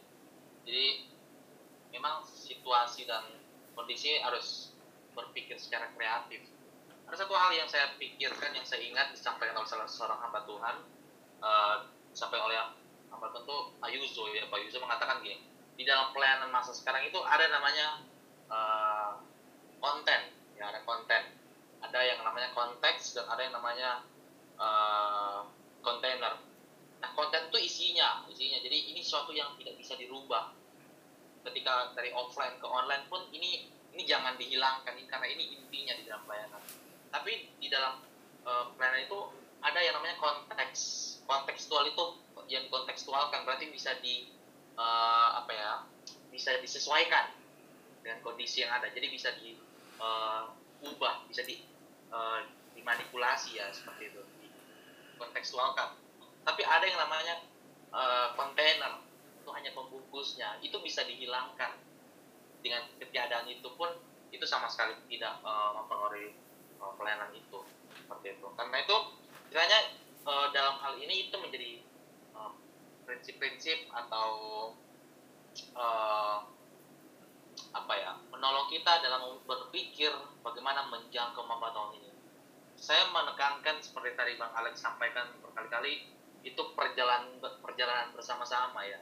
Journey together itu menjadi sesuatu yang penting dalam pelayanan uh, pandemi ini seperti itu uh, jadi penginjilan itu dilakukan secara natural penginjilan itu dilakukan secara uh, berjalan bersama-sama. Seperti itu. Nah uh, sebagai penutup ya sebagai penutup jadi karena poinnya juga tadi disampaikan oleh Kak Alex itu adalah bagaimana uh, penginjilan itu pun harus dapat dilakukan ya. Penginjilan harus dapat dilakukan. Nah kami sebenarnya PMKP uh, saya bersama-sama teman-teman PMKP itu sedang berpikir sedang merencanakan mendiskusikan Eh, melakukan persiapan apa ya persiapan PI secara pelatihan PI ya, pelatihan PI karena salah satu kebutuhan atau skill yang dimiliki harus dimiliki oleh seorang PPKK itu adalah uh, penginjilan mampu untuk memberitakan Injil. Nah biasanya bertahun-tahun selama beberapa tahun ini kami melakukan pelatihan penginjilan EE. Nah maka tahun ini kami pun sedang berpikir bagaimana mempersiapkan CPK CPK tahun ini untuk uh, melatih mereka atau memperlengkapi mereka dalam hal penginjilan. Nah, kemungkinan besar, ya ini masih dalam diskusi, kemungkinan besar kami akan melakukan penginjilan itu tetap secara online. Uh, kami sudah beberapa hari lalu kontak, satu pengurus kami sudah kontak dengan tim EE, itu disediakan katanya uh, EE4G, ya EE4G jadi hmm, saya pun pribadi belum tahu bagaimana bentuknya bagaimana uh, apa bedanya dengan penginjilan EE yang biasa yang selama ini dilakukan. Nah cuma itu masih sementara digodok oleh teman-teman PMK kota untuk dilakukan. Nah kemungkinan besar uh, kalaupun akan dilakukan nanti teman-teman PMK kampus, khususnya pengurus, uh, mendorong CPKK-CPKK dari kampus-kampus yang dapat uh, terlibat di dalam kegiatan itu. Nah, uh, inilah akhir dari pertemuan kita pada malam hari ini. Ya, saya mengucapkan terima kasih sekali lagi untuk Alex untuk uh, kesediaannya mengisi pembinaan pada malam hari ini. Terima kasih untuk hal-hal yang boleh disampaikan. Terima kasih untuk uh, sangat memberkati ya, sangat memberkati kira sangat menolong bagi kita dan akhirnya terbukakan kepada kita bagaimana prinsip pemulihan itu ya, prinsip pemulihan itu uh, engagement dan relasi yang dalam dengan orang-orang yang kita layani. Jadi bukan sekedar uh, pertemuan ya sekali pertemuan, tapi harusnya itu makin dalam, makin dalam. Oke, okay, terima kasih juga untuk teman-teman uh, dari pengurus PMK, panitia, dan bahkan juga teman-teman dari daerah-daerah lain, ada Nado, ada Semarang, ada Ambon, ada Toraja. Nah, terima kasih untuk semuanya. Oke, kita akan menutup pertemuan kita pada malam hari ini dengan doa. Saya minta kesediaan sekali lagi untuk Alex untuk pimpin kita di dalam doa penutup. Baik, mari kita berdoa. Bapa Surgawi, terima kasih tak henti-hentinya kami haturkan kepadamu ya Tuhan, Allah yang meneguhkan kami bahkan di tengah-tengah situasi sulit masa pandemi seperti ini. Kesempatan kami belajar bersama sharing, tanya jawab biarlah makin menolong kami melihat prinsip-prinsip penting yang sebenarnya bukan hanya prinsip penting pada saat pandemi, tetapi bahkan sebelum pandemi pun seharusnya prinsip-prinsip ini yang mewarnai pelayanan kami. Karena itu Tuhan kami terus memohon anugerahmu agar apa yang kami pelajari bukan sekadar sebuah pengetahuan, tetapi mungkin harus memberikan kepada kami challenge untuk benar-benar memikirkan perubahan yang mendasar.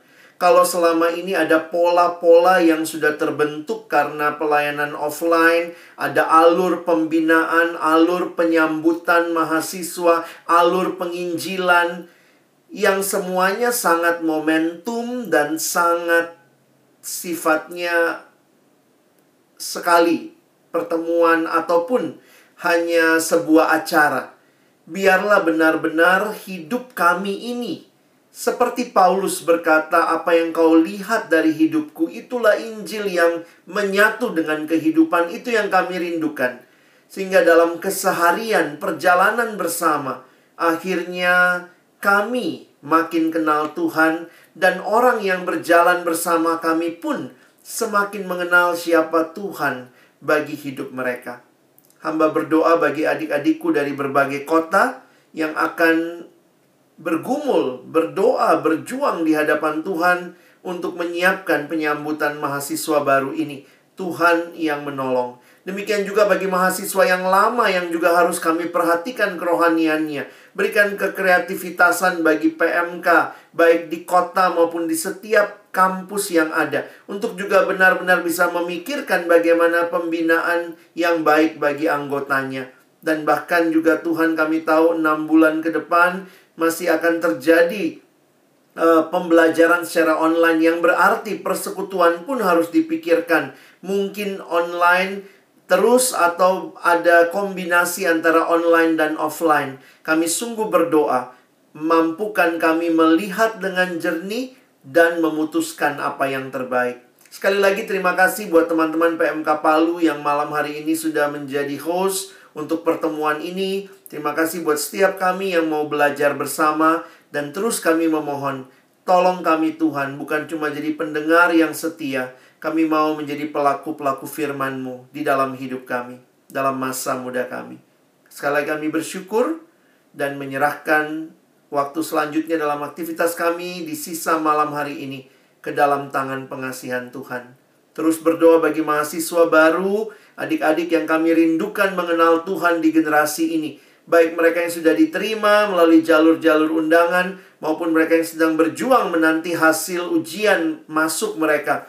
Kami berdoa, Tuhan teguhkanlah mereka. Kami yang sudah menyiapkan semua ini, Biarlah dalam anugerah Tuhan Engkau yang pertemukan kami dengan adik-adik kami ini. Sekali lagi kami bersyukur dan berterima kasih menutup pertemuan kami dalam nama Yesus kami berdoa. Amin.